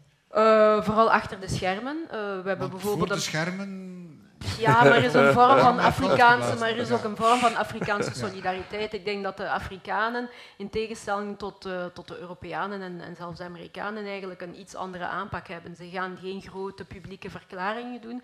Ze gaan vooral achter de schermen proberen om, om de druk te verhogen op, uh, op, op Kabila. Ik denk dat Kabila ook niet het akkoord zou getekend hebben in, 2000, in december 2016, zonder de druk ook van een land zoals uh, Angola. Dus indien we inderdaad een oplossing willen vinden of een uitweg vinden uit deze huidige crisis, is, moeten we, allez, kan Europa niet anders dan ook te gaan samenwerken met die Afrikaanse uh, staten zoals Angola, Zuid-Afrika, maar zeker ook uh, Congo-Brazzaville. dus, ja.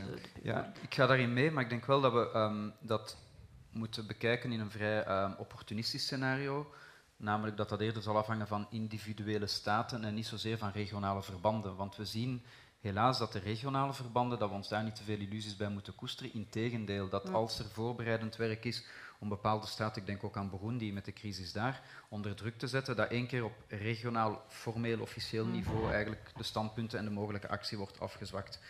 Maar inderdaad, Angola is een actor met heel veel invloed en die ook bereid is om in te grijpen in hun belang.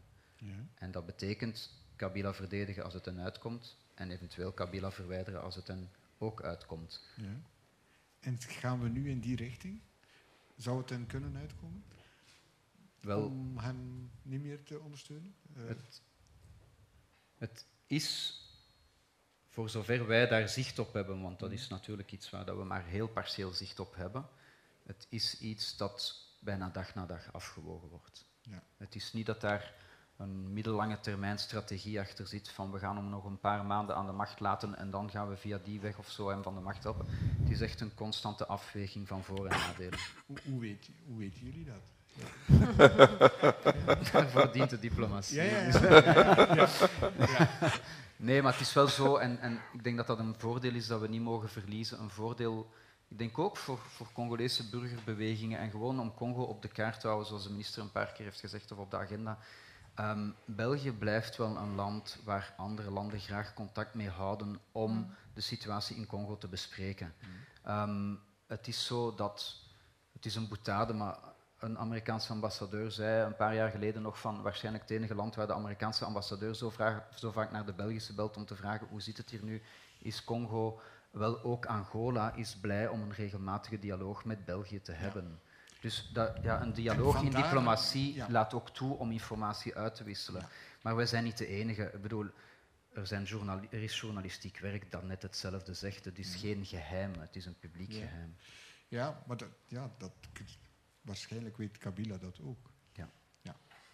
Dus dat zal zijn slaap toch ja. minder gerust maken. Ja. ja. Kabila is zeer ongerust al jarenlang. Hmm. Ook een van de redenen waarom hij zich zo zelden vertoont op het internationale toneel. Uh, Kabila leeft in een soort van constante angst om het lot van zijn vader te ondergaan. Um, absoluut. Ja. ja. ja. Alfons, jij wou... Ja, ik wou toch uh, iets uh, zeggen over Angola. Um, Angola is heel erg belangrijk op dit moment om twee redenen. De vluchtelingen uit Kassai zijn massaal gevlucht dus naar Angola. Uh, naar de regio Lunda Noord en Lunda Sul. Um, even voor het publiek. Uh, Congo heeft bijna een kwart de grens met Angola.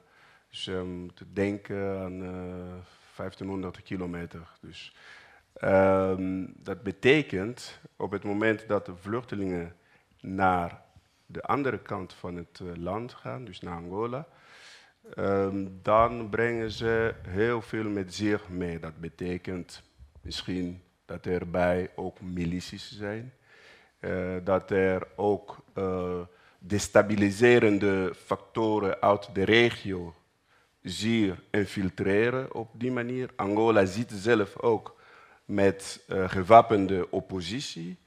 Uh, uh, die onafhankelijk uh, willen. Dus dat alles zij, dat, dat vormt een, een soort destabilisering voor het land, voor in de toekomst. Dat hebben wij gezien in 1994, toen de vluchtelingen uit Rwanda naar Congo kwamen. Dat heeft geleid ook tot wat wij nu hier bespreken. Dus vanuit dat perspectief is Angola eigenlijk gelegitimeerd om iets te gaan ondernemen. En dat zie je ook met de beweging, militaire beweging aan de grens met Congo. En die, uh, dat levert ook behoorlijk stress bij meneer Kabila en de zijnen, waardoor zij uh, vanuit Kinshasa uh, de grenzen hebben gesloten tussen Angola en Congo op goederen dat betekent dat er geen mensen heen en weer zullen gaan om goederen uit Angola te halen. Ik denk dat daar een punt van waarheid zit. En um, ja, dat is voor Congolezen misschien een kans dat er uh, zoiets gaat gebeuren. Ja, ja. ik wou eigenlijk eindigen uh, met de jongeren, die sowieso de toekomst van een land zijn. Um, Nadia, je hebt er al verschillende keren naar verwezen. Ik heb het ook ondervonden toen ik er was nu. Eh, ik had toch het gevoel van, ja, een, lente is misschien een te groot woord, maar dat daar ja, meer dan vroeger ja, een, een aantal jongeren of, of jongerenorganisaties zijn die, ja, die intrinsiek gemotiveerd uh, ja, opkomen voor, voor een beter Congo. Hè. Niet naar de per diems die internationale eh, NGO's organiseren, maar ja, en die ook nee zeggen als ze worden omgekocht. Allee, ik vond dat een heel sterk moment voor mij persoonlijk, eh, van dat mee te maken. Maar misschien kan jij er iets meer over zeggen. Ja. Misschien iets heel kleins. Um, in 2014 hebben Broerlijk Deel en Pax Christi een leider, uh, Pascal Mugaruka, dus een leider van een jongerenbeweging, uitgenodigd. Dus twee jaar voor datum dat normaal gezien de verkiezingen moesten georganiseerd worden. En Pascal zei mij toen al hier in Brussel van als we niet gaan inzetten op vorming en sensibiliseren van de bevolking, dan zal Kabila in 2016, 2017 en daarna gewoon blijven. Zijn punt is eigenlijk, en, dat is eigenlijk ook een beetje de filosofie van heel veel van die burgerbewegingen, is dat je heel veel gewoon moet gaan inzetten op het contact met de Congolese bevolking. Uh, dat is een beetje het grote probleem vandaag met uh, de traditionele middenveldorganisaties, maar ook met heel wat politieke oppositiepartijen, is dat ze eigenlijk een beetje het contact met, uh, met de gewone bevolking verloren zijn. En we zien dat ja, die burgerbewegingen toch wel proberen in te zetten op dat contact, dus naar de verschillende wijken gaan, uh, bepaalde gemeenschapsactiviteiten organiseren aan het kuisen van de straten en zo verder. Dus we proberen met een iets meer ja, uh, creatieve aanpak om, om die bevolking niet alleen te informeren, maar dus ook te sensibiliseren en op termijn ook te gaan mobiliseren. Maar dat is natuurlijk een, een, een werk, dat, dat, een, een, werk dat ook heel veel tijd vraagt en heel veel energie vraagt. En, en het, het, kan heel goed zijn dat we die resultaten niet volgende maand zullen zien en niet binnen zes maanden en zo verder. Maar ik geloof daar heel sterk in dat je op termijn wel een bevolking gaat krijgen die zich beter bewust is van de situatie waarin het land zich bevindt, beter ook geïnformeerd is en die dus ook op termijn ook wel beter kan opkomen voor de eigen rechten. Ja, en die ten gronde dan, want tot nu toe, ja, een politicus wordt politicus. Ik heb het jongeren nog horen zeggen die contacten hebben in de elite van Congo, die zonen en dochters van ministers, die hem zeggen, ja, ik wil minister worden, want dan, dan ga ik rijk worden. Dus het is nog steeds aanwezig, maar er zijn ook jongeren die daar kritisch over nadenken. Dus hetzelfde met het ambtenaarschap in Congo. Ja, om allerlei redenen is dat ja, heel dikwijls geen dienst aan de gemeenschap, maar uh, het omgekeerde. Dus, maar, maar, dat zit zo diep verankerd in het land. Ja, dat moet je dus via die jeugd die daar kritisch over is, ja zien te veranderen. En ik vind juist die jongeren, dus zelfs in dat donker gat van Congo, om het zo uit te drukken, zijn er toch soms lichtpunten. Dus heel veel van die jongeren, dat zijn pure producten van Congo. Dat zijn jongeren die in Congo zijn geboren, die zijn daar opgegroeid. Die hebben ondanks heel veel moeilijkheden toch kunnen studeren. Vandaag zijn zij op sociale media. Dus, dus, dus, dus op zich, Congo is er toch in geslaagd. En uiteraard heeft dat vooral te maken door de heel sterke moed ook van, van, van Congolese ouders, hè, die hun kinderen toch hebben laten studeren. Maar die jongeren zijn er wel vandaag. En, en die reizen, hè, dus die, die, die gaan naar Europa, die zijn in de VS en zo verder, maar ze keren ook terug omdat ze beseffen van, ze zijn ergens een generatie die volledig is opgeofferd. Uh, en ze beseffen ook heel erg van, als zij zich niet gaan engageren, niemand anders gaat het ook in, in hun plaats doen. Mm. En we mogen daar ook niet heel naïef in zijn. Hè? Eh, dus de politiek probeert die jongeren ook wel te recupereren. Zij worden gemanipuleerd. Dat is een van de grote vragen. Kan en niet alleen politiek, naar de politiek, maar ook, maar ook internationale NGO's, ambassades proberen die jongeren wat uh, te recruteren en zo. Maar ik, ik denk dat je op termijn dat het niet anders kan dan dat daar toch van daaruit iets gaat, uh, iets gaat, iets gaat veranderen. Maar dat kan tien jaar duren. En, ja. we moeten daar ook heel veel geduld in doen. Erik of ja, ik, ik wil gewoon nog even reageren daarop. Ik, ik, volg volledig wat Nadia hier uiteenzet. Um, Burkina Faso is in veel opzichten, de omwenteling in Burkina Faso is, is, een voorbeeld geweest, maar dat je natuurlijk niet zomaar kan overzetten op andere landen. Er is ook ja, Ballet Citoyen in Burkina Faso, Jan Amar in Senegal en andere bewegingen. Dus er zijn contacten geweest, ook al in het verleden, tussen Congolese bewegingen en hen. Er is ik, ken misschien te weinig de exacte context, maar er is wel een groot verschil. Dat is in Congo uiteindelijk, niet alle bewegingen, maar de, de, de, groepen die noemenswaardige impact kunnen hebben en dus ook de dialoog, ik zou zeggen, met, met de internationale gemeenschap aangaan, worden vaak um, ge, hoe moet ik, geleid, gesponsord door toch wel een belangrijk figuur uit de politieke oppositie of uit de commerciële, economische uh, elite die in of rond Congo hangt, waardoor dat er heel veel gevaar is op recuperatie in het belang van die individuen, van de structuren die daarachter zitten, of de pervertering door, door uh, ja, geldelijke aanbiedingen of ambities die dan gekoesterd worden om mee te gaan in het kielzog van die mensen, ja. één keer dat die aan de macht zouden komen. Dus het is um, heel belangrijk dat die bewegingen erover waken, um, dat zij niet alleen een rol spelen in de transitie, maar dat daarna ook een systeem in Congo wordt geïnstalleerd, dat het toch wel beter doet dan vandaag. Het is interessant te zien dat Ballet Citoyen in Burkina Faso nog steeds die waakcontrole opneemt. Mm. Um, en dus ik hoop dat die burgerbewegingen uit Congo, waar we ook onze hoop op vestigen, hmm. niet gaan verworden tot een zoveelste nieuwe politieke generatie die heel snel de oude generatie gaat uh, kopiëren. het zijn ook vrij jonge bewegingen. Is, Lucha bijvoorbeeld is maar in 2012 ontstaan, dat is een zeer jonge beweging. en inderdaad, die uitwisseling met andere uh, bewegingen, ook elders in andere Afrikaanse landen, is inderdaad wel interessant. Is het ook geen uitdaging voor, voor, ja, voor jullie? Uh, van, ja, niet gouvernementeel en gouvernementeel, van hoe gaan we daarmee om? Want te veel, te veel geld geven, bijvoorbeeld, is niet noodzakelijk uh, een goede zaak. En bepaalde bewegingen zijn daar zelf ook niet echt vragen. Een beweging zoals Lucha, is, is trouwens een informele uh, beweging.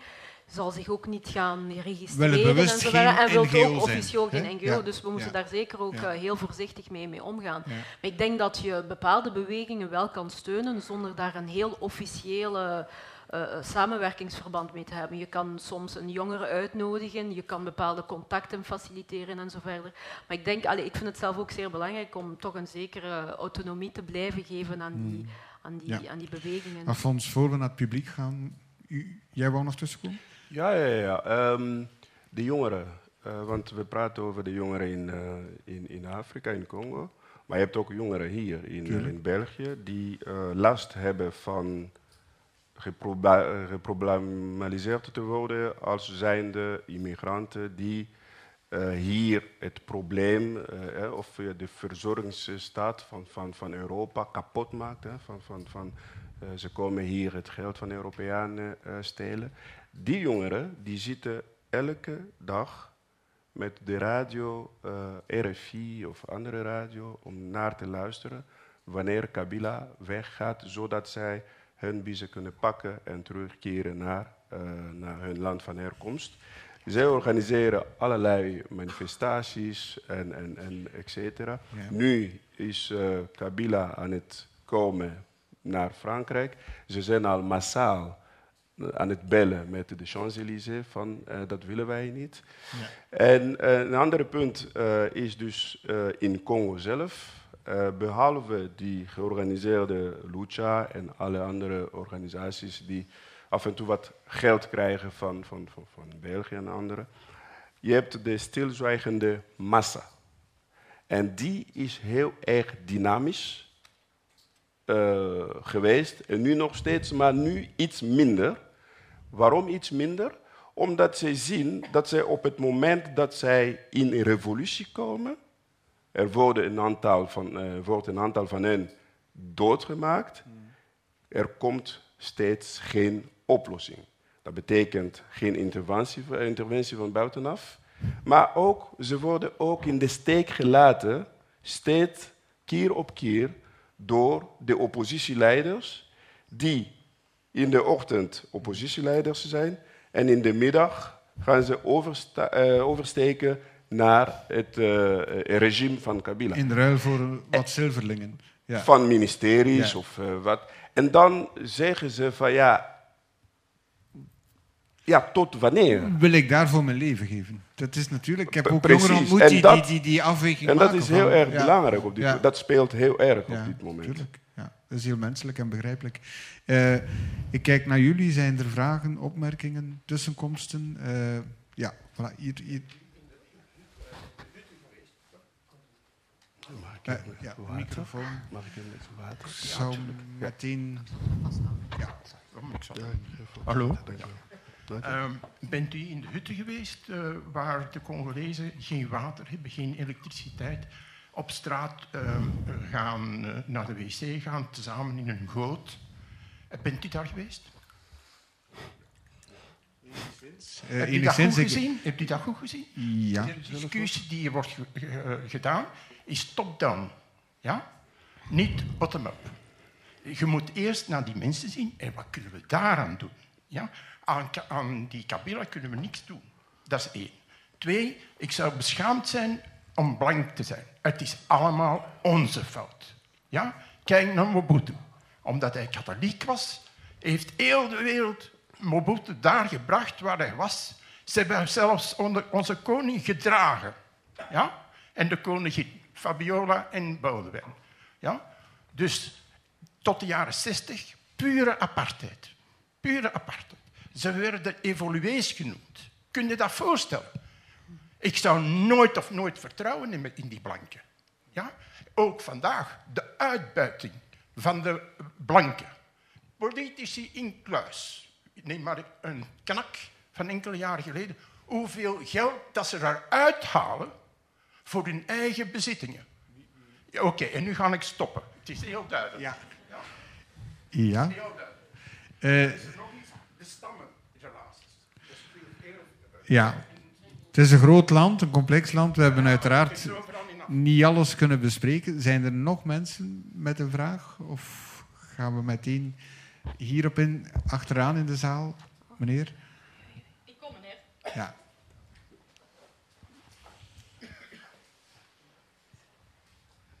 Een vraag.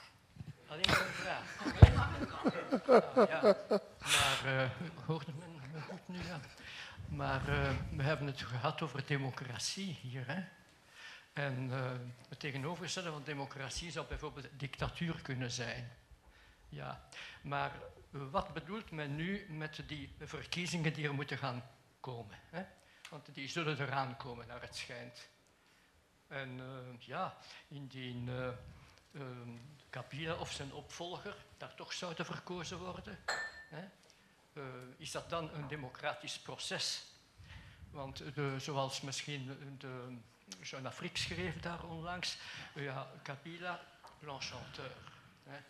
Is dat dan een dictator? Ja, dus uw vraag is eigenlijk van, ja, als je verkiezingen organiseert, heb je dan democratie? Hè? Ja, ja. oké. Okay. Uh, meneer? Um, dus er is heel veel gezegd over landen waar dat er um, democratie is overgegaan naar uh, dictatuur. Wat dat die over overgang uh, stroef is geweest. Maar er zijn ook enkele voorbeelden in Afrika waar dat er toch ergens een klein beetje positief is. Zoals? Uh, Botswana, uh, Ghana? In Kenia bijvoorbeeld. Ja. En daar is spijtig dat de minister daar niet is. Kenia is een ex-kolonie van, uh, van Groot-Brittannië. En Groot-Brittannië heeft een heel belangrijke rol gespeeld in de overgang. Door druk te zetten op de dictator die van 63 hè, aan de macht was, om die te laten vertrekken. En dat was onder meer de reisverbod, dat, dat helpt niks.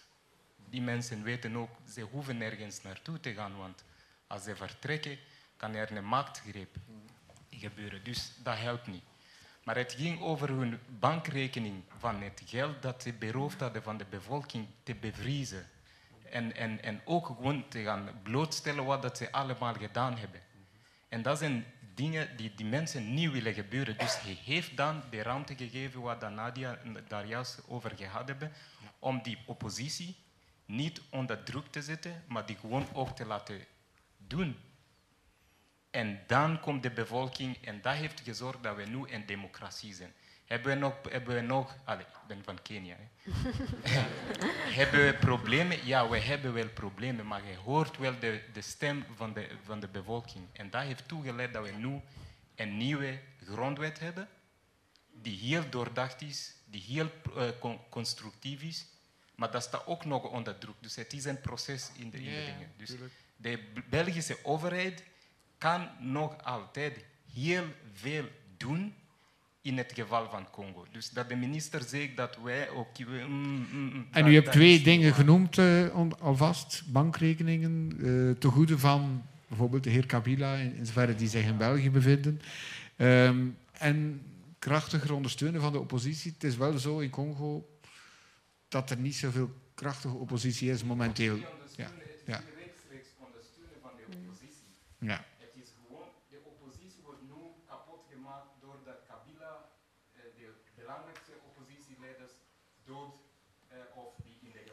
of omkoopt. Ja. Dus wat hebben ze gedaan? Mooi toen in Kenia, die heeft gewoon onder druk gezet dat hij dat niet meer kon doen. Hmm. Waardoor dat de oppositie kon spreken en dingen konden blootstellen. En hoe hebben ze dat gedaan? Want... Ah, ja. die, die, die rekeningen bevriezen hè, ja. en, en, zorgen dat ze... Financieel castreren, ja, zou je kunnen zeggen. Ja, oké. We hebben drie vragen. Uh, een emotionele vraag. Uh, van meneer hier vooraan uh, over, ja, het is allemaal onze fout, het verwijzen naar het verleden. Um, en benadrukken, het moet van onderuit komen. Aan Kabila kunnen we toch niks doen. Ja. ja, ik wil toch even op die blanke kwestie opgaan. Um, kijk, het klinkt een beetje cru hè? op het moment dat men zegt het is een blanke schuld, blanke fout. Het gaat niet om blanke, zoals jullie hier, dus mensen van vlees en bloed. Het gaat om blanke politiek en systeem. Daar gaat het om. Dus meneer is daar heel emotioneel over en terecht. En dat zien we heel vaak. Het is niet dat uh, het kapitalisme heeft geen uh, rassen. Uh, mensen hier worden ook misbruikt, ontslagen, et cetera, et cetera. Dat is het kapitalisme, het blanke kapitalisme. ik denk dat dat het probleem is. Maar op dit moment moeten we niet gaan kijken naar termen van rassen, et cetera.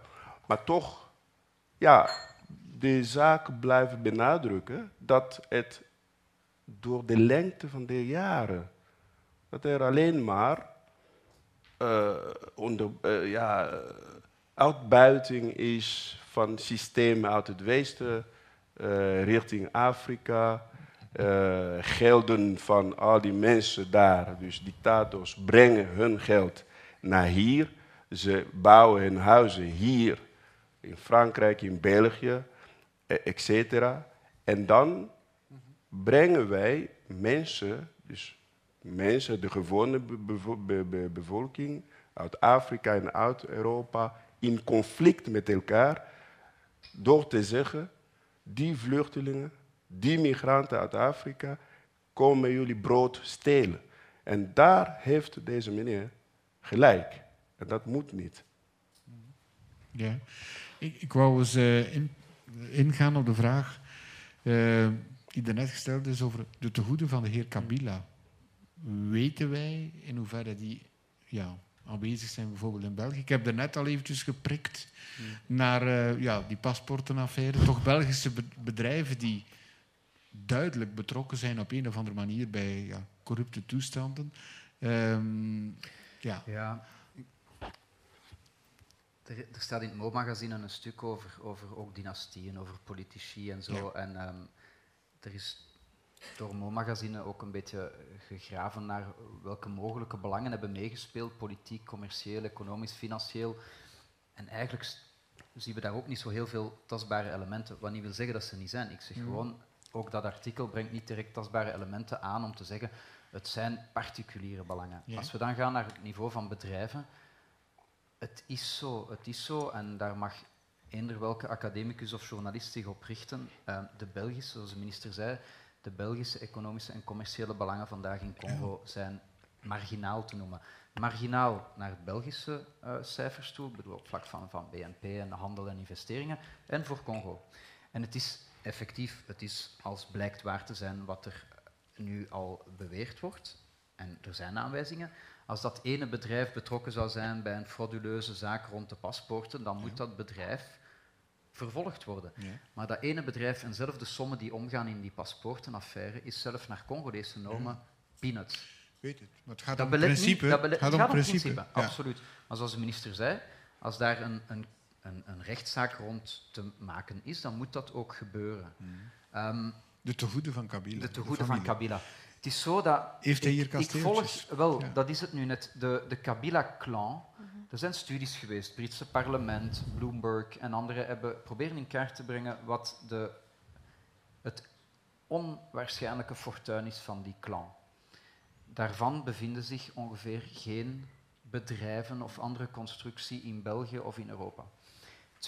Dat gaat over bedrijven. Hetzelfde met de rekeningen. Idem de tijd waarin inderdaad, ik denk zeker onder het Mobutu-regime, zowel de bankrekeningen als de tegoeden zich voornamelijk in België en Frankrijk en zo bevonden, die is voorbij.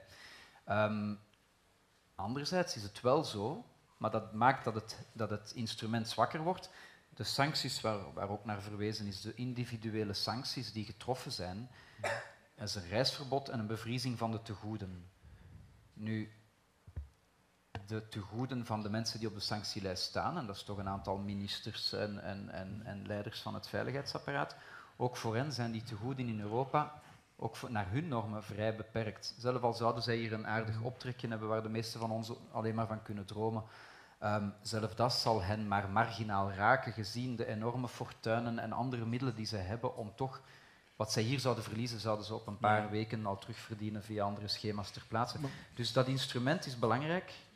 Um, maar snijdt minder dan vroeger. Snijdt minder dan vroeger. En het geval Gertler. Um, allee, toevallig is hij altijd in de omgeving als er een of andere constructie wordt blootgelegd. Ja. Waarbij weer een stukje mijnrijkdom uit Congo voor een spotprijs wordt verkocht en enkele maanden later voor het veelvoud ervan weer doorverkocht wordt. Is er altijd aanwezig. Uh, hebben jullie daar al over gepraat met Israël?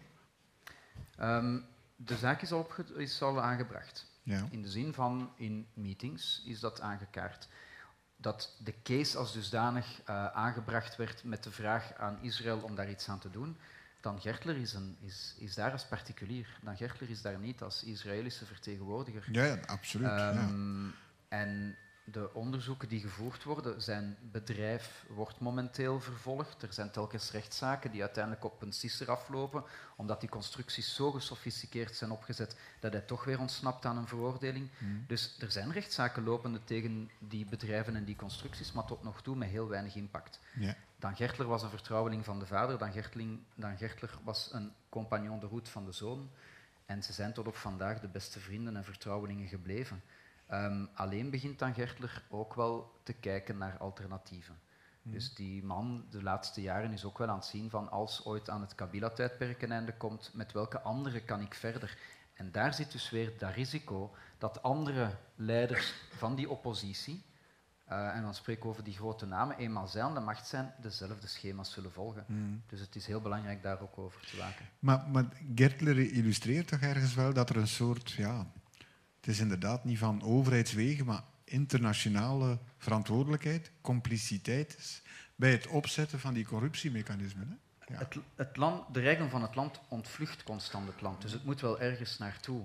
Um, het is geen geheim. De zaken die ik hier zeg kunnen even goed gelezen worden in Jeune Afrique of, of, of, in The Economist. Maar zouden wij niet dus meer kunnen doen om... De Zuma-clan, de, de, connectie tussen de Zuma-clan en de Kabila-clan is ook zeer intens.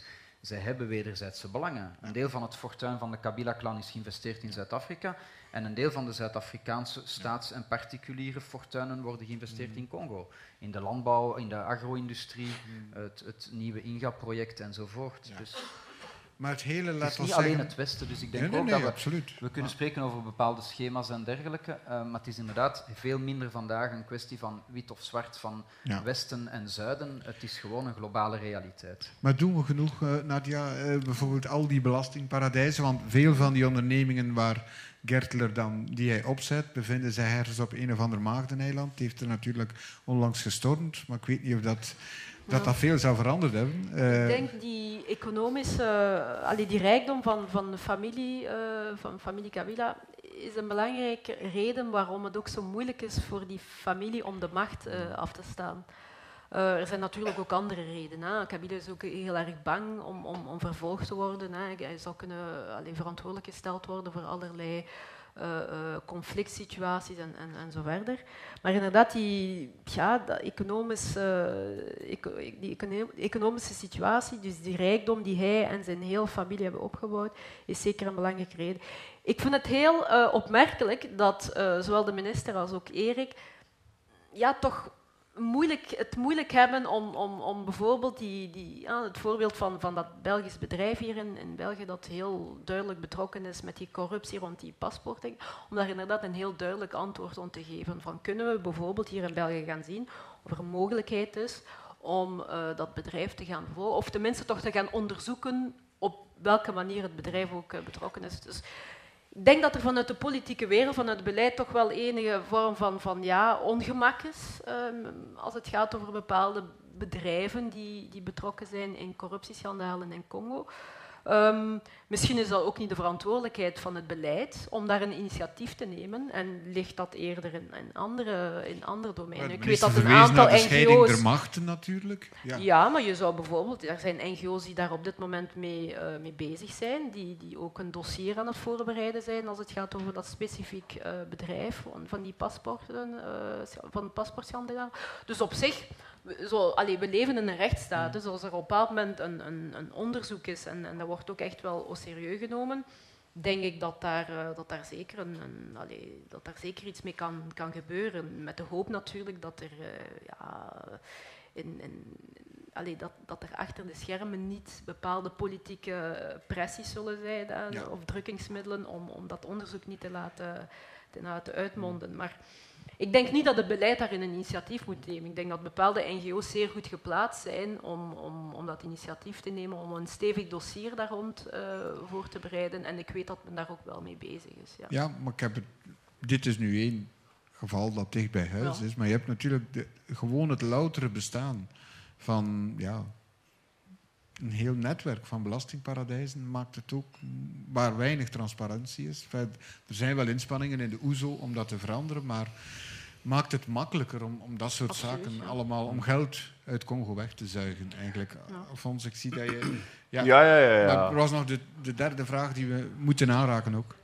En wat? Die zijn op twee vragen. Ah ja, oké. Ja, ik wou toch even uh, ingaan op uh, het, het, het, het, feit dat uh, België in Congo geen belangen heeft, economische belangen.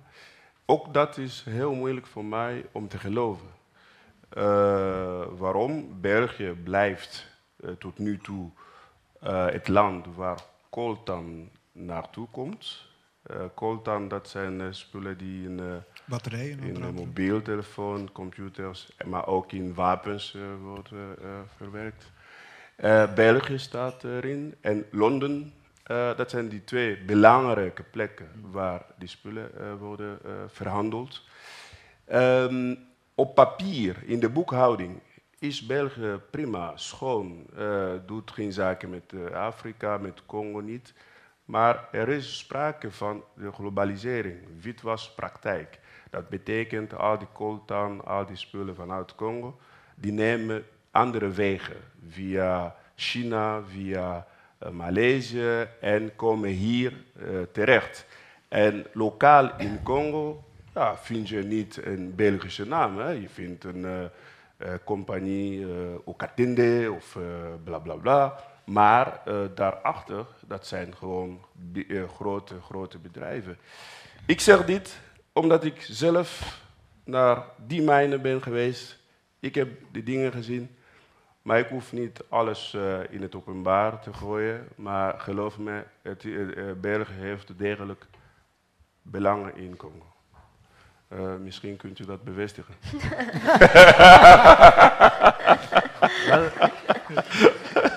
Alphonse, het, het, zou, het te stout zijn om te zeggen, is niet zo gemakkelijk als een bewering te plaatsen en dan te zeggen van ik ga niet toelichten hoe het precies in elkaar zit. Um, ik nodig ja, ik nodig Mo-magazine, ik nodig ieder uit om, om, om die, als die realiteit zou bestaan, om die bloot te leggen. Ik bedoel, ik kan met hand op het hart zeggen als, als, als vertegenwoordiger van de minister, maar ook als individu, dat ik daar geen weet van heb. Geen weet niet in de zin van ik was mijn handen in onschuld, maar gewoon dat ook ik soms geïnteresseerd ben, want dat is belangrijk voor ons beleid ook, om te weten welke andere machtsstructuren een hmm. impact zouden kunnen hebben op de Belgo-Congolese relaties. Dat is ook voor een minister van Ontwikkelingssamenwerking belangrijk om te weten als hij een standpunt voordraagt waarom er eventuele remmingen zijn. Wel, geef die elementen aan, dan zullen we daar iets mee doen. Nee, maar, ja, maar we hebben ze niet. Er zijn traders in België. Mm Dat klopt. Er, zijn er is hier een belangrijke bank eh, die uh, transacties uh, Och, doet ja. uh, met, met in, Congo. In elk, in elk, en daar komt, komen heel veel bedragen naar binnen. Absoluut. Maar ik ga die bank elk, ook niet noemen. In elk, in elk Europees land, in elk Afrikaans land, in elk Aziatisch of Amerikaans land, in elk land zijn banken betrokken bij financiële stromen die te maken hebben ook met controversiële sectoren of bedrijven. Deutsche Bank bijvoorbeeld wordt heel vaak vermeld. Je hebt zo'n aantal indexen waarop banken worden getoetst. Deutsche Bank scoort daar bijvoorbeeld vaak slecht op. In België ook, al dan niet nog beleggen in, in wapens en dergelijke wapenindustrie. Daar worden screenings gedaan. Dat is geen geheim. Dat is geen geheim. Maar ik spreek hier over iets anders. We spreken hier over één, Belgische bedrijven die daar een activiteit ontplooien of handel drijven met. Ten tweede, de, de expliciete of impliciete insinuatie dat dat een impact zou hebben op het Belgische beleid. En daar kan ik van zeggen dat die impact op het Belgische beleid, en alvast voor de minister van Ontwikkelingssamenwerking, dat die er bij mij weten niet is. Omdat... Er is... Er... Ja? Zie naar knak. De inkomst, de maximum inkomst in België was bij een minister. Ik ga zijn naam niet noemen. was bij een minister. Oké, okay, maar ik zou wel graag hebben, als we allerlei beweringen doen en geen namen noemen dan... Ja, uh, ja. de knak, maar er zijn vele nummers van knak. Ja, Ehm, eh, Goed, maar er was eigenlijk nog een vraag. Maar ik vond eigenlijk dat we die aangeraakt hadden over democratie en verkiezingen. Ik denk dat iedereen het erover eens is dat verkiezingen, ja, of dat democratie veel meer is dan verkiezingen. Oké, die twee vragen Ginter achterin. Oké. Ja, en dan gaan we afronden. Ja, ik had eigenlijk een vraagje voor Nadia, want ze heeft eh, gesproken over eh, de optie van de staatsgreep. Maar eh, ik vroeg me af of dat u denkt dat er op dit ogenblik genoeg geschoolde en capabele mensen zijn met leidinggevende functies en leidinggevende capaciteiten om dat uit te voeren. Want het zou natuurlijk kunnen zijn dat het probleem zich gewoonweg verschuift. Tweede? Ja. Hallo, eh, ja, mijn vraag is dus eh, naar jullie eh, drie. Want ik heb het gevoel dat bij Congo dat ook al worden er goede verkiezingen georganiseerd, dat er gewoon ehm, hetzelfde probleem zal blijven. Want als het over Congo gaat, al sinds de intrede van België in Congo tot vandaag, is eh, ja, geld altijd een probleem geweest. En ik heb het gevoel dat eh, Congo gewoon de zieke zoon of de zieke dochter is van het kapitalisme waarin dat wij nu leven. En ik vraag me dan, moeten wij niet gewoon verder denken en ons gewoon afvragen of dat gewoon kapitalisme werkt voor Congo? Of dat, gewoon, of dat het gewoon allee, Ja. een systeem moet zijn dat niet meer eh, gehanteerd moet worden. Oké. Ehm, Nadia, eerste vraag naar jou toe. Ja, ik weet dat eh, als het over het Congolese leger gaat, ehm, is men altijd heel negatief. Hè. Men, ziet, ziet dat leger altijd als, als eh, leger dat niet bestaat, dat niet gevormd is en zo verder. Binnen dat Congolese leger is trouwens niet zoiets als één gemaakt Congolese leger. Je hebt het gewone leger, maar daarnaast heb je ook nog de Republikeinse garde van, van Kabila. En Kabila vandaag rekent veel meer op zijn Republikeinse garde, ongeveer 15.000 man, dan eigenlijk op dat grote Congolese, eh, leger, waar hij niet echt altijd heel veel greep op heeft. Ik denk als we spreken van een, van een staatsgreep, dat we misschien eerder zouden kijken naar, een, naar de Republikeinse garde. Een garde die onder andere ook door, door Angola mee is eh, gevormd en zo. Ehm, dus ik denk dat het gevaar eerder vandaar zou, zou kunnen komen. Het, informatie die ik gekregen heb, dus die, die garde bestaat vooral uit mensen die afkomstig zijn uit, Katanga. Dus de, officieel is dat dan de, de fief, hè, dus, dus de, de machtsbasis van, eh, van, van, van Kabila. Maar is dat er binnen, ja, binnen de Repu- Republikeinse garde ook niet altijd eensgezindheid is over, eh, over de gang van zaken. Ehm, ik heb geen directe aanwijzingen of zo dat daar nu een staatsgreep zou voorbereid worden. Maar ik zeg gewoon van dat het een ja, scenario is dat niet zou kunnen uitgesloten, wo- uitgesloten worden. Eh, dus er zijn mensen die zeker opgeleid zijn. Ehm, en ik denk ook dat we, we moeten er ook niet van afgaan dat een staatsgreep in Congo een, een, een puur Congolees eh, zaak zou zijn. Ik denk indien er een staatsgreep georganiseerd wordt, zal dat zeker ook met, met externe steun zijn. En gaat het dan over de steun van een aantal buurlanden of zelfs van landen die, die veel verder zijn. Het is trouwens ook interessant om te vermelden dat ehm, Angola een paar maanden geleden ook... ehm, dus ik denk de nieuwe, de nieuwe president eh, was, was de, de vroegere minister van Defensie, als ik me niet vergis, was een paar maanden geleden ook in, eh, in de VS. Dus de, de militaire samenwerking tussen Angola en de VS is ook versterkt. Ehm, dus het zou wel eens kunnen dat, eh, dat de, de nieuwe administratie in, in, in, ja, in, de VS ook wel via Angola zal proberen om een aantal zaken te forceren. Niet zozeer om eh, humanitaire redenen of zo, maar gewoon ja, puur eh, realpolitiek. Ik denk dat er iedereen er belang bij heeft dat de situatie niet verder uit de hand loopt. Op dit moment probeert Kabila eigenlijk die verschillende partners nog te overtuigen dat hij het kan controleren. Maar eh, ja, ik sluit zeker niet uit als, als, als er nieuwe manifestaties komen en zo verder en, en de situatie gaat volledig gaan, gaan escaleren, dat, eh, dat, dat er vanuit Angola wel Ja. een steun zou kunnen komen naar bepaalde militairen in, in Congo zelf. Ja. En dan de laatste, natuurlijk, dat is een zeer algemene vraag. Of het kapitalisme goed is voor Congo. Ehm, wil daar iemand... eh, Ik, ik wil daar misschien iets heel klein over zeggen. We hebben de laatste weken een paar, eh allee, heel wat debat gevoerd over Leopold II. En ik denk als we kijken naar de manier waarop ehm, Congo ontstaan is. Hè, want Congo is eigenlijk een, een, geen constructie van de Congolezen zelf. Of het Congo zoals we het vandaag kennen, is geen constructie van de Congolezen, maar is eigenlijk een constructie van, van de grote koloniale mogendheden eind 19e eeuw. Als we kijken naar de functie van Congo-Vrijstaat onder Leopold II, de manier waarop die regio destijds en die bevolking destijds ook is uitgebuit geweest uit pure economische, kapitalistische redenen, denk ik wel dat we bepaalde verbanden kunnen leggen over de manier waarop ook vandaag omgegaan wordt met, uh, met Congo. Ik hoor heel vaak van, of ik heb de voorbije weken heel vaak gehoord van, ja, Leopold II, dat is passé, dat is verleden, we moeten daar niet te veel over praten en zo. Ik denk dat het juist zeer belangrijk is om te spreken over die uh, koloniale periode, dus de, de, periode van Leopold II, omdat het ons misschien iets kan leren over de manier waarop we vandaag als internationaal gemeenschap, en zeker als, als ja, belangrijke sterke spelers binnen die internationale gemeenschap, omgaan met het Congo van vandaag. En hoe belangrijk ook die economische belangen zijn, niet alleen de geopolitieke, maar ook de economische belangen zijn in het Congo van, uh, van, van vandaag. Maar of ja, of, of Congo nu kapitalist is en zo verder. Ik, ik hoor heel veel vrienden van mij die absoluut voorstander zijn om van, van Congo eerder een, een communistisch systeem van maken, die zich laten inspireren op Cuba, Venezuela en zo verder. Ja. Ik ben eerlijk gezegd daar niet echt een voorstander van. En ik denk ook niet dat uh, uh, de heel veel Congolezen uh, daarmee bezig zijn. Ik denk dat mensen graag zouden willen genieten van een aantal zaken die ook in andere kapitalistische systemen ja. Je hebt ook veel soorten van kapitalisme. Als ik ook eventjes inhoudelijk iets er mag tussen gooien, maar wil er nog iemand iets aan toevoegen? Uh, ja, ik, ja. Uh, de vraag over democratie. Ja. Uh, ik, ik, hoorde een vraag over de marktwisseling na de verkiezingen als iemand anders aan de markt komt. die vrees heeft elke, elke kiezer, even om binnen dat democratische kader te blijven.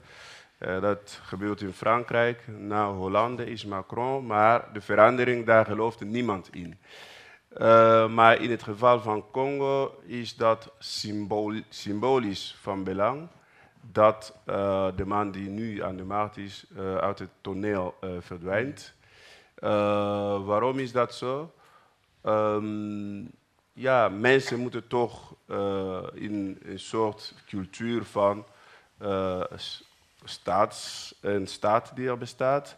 En, en, en, en het leger, politie die uh, handhaaft um, en de orde dus handhaaft. En dat bestaat niet. Je hebt dus nu uh, een staat die de wapens richt tegen eigen, eigen bevolking. En zo'n regime zou gewoon moeten verdwijnen. En wie dan later komt, ja, dan beginnen wij weer het een nieuw uh, proces. Hè? Okay. Wou, wou, jij er nog iets aan toevoegen, Erik? Of, uh? ik vond dat een mooie afsluiter, dus... Uh, ja. Oké. Okay. ik wil jullie... Het is ondertussen wordt het hier steeds warmer, denk ik, al die dampende lichamen. Maar ik wil jullie dan danken voor uw aandacht. En ik wil ook onze sprekers danken om hier aanwezig te zijn. En het beste van zichzelf te geven. Graag een applaus voor hen. Ja.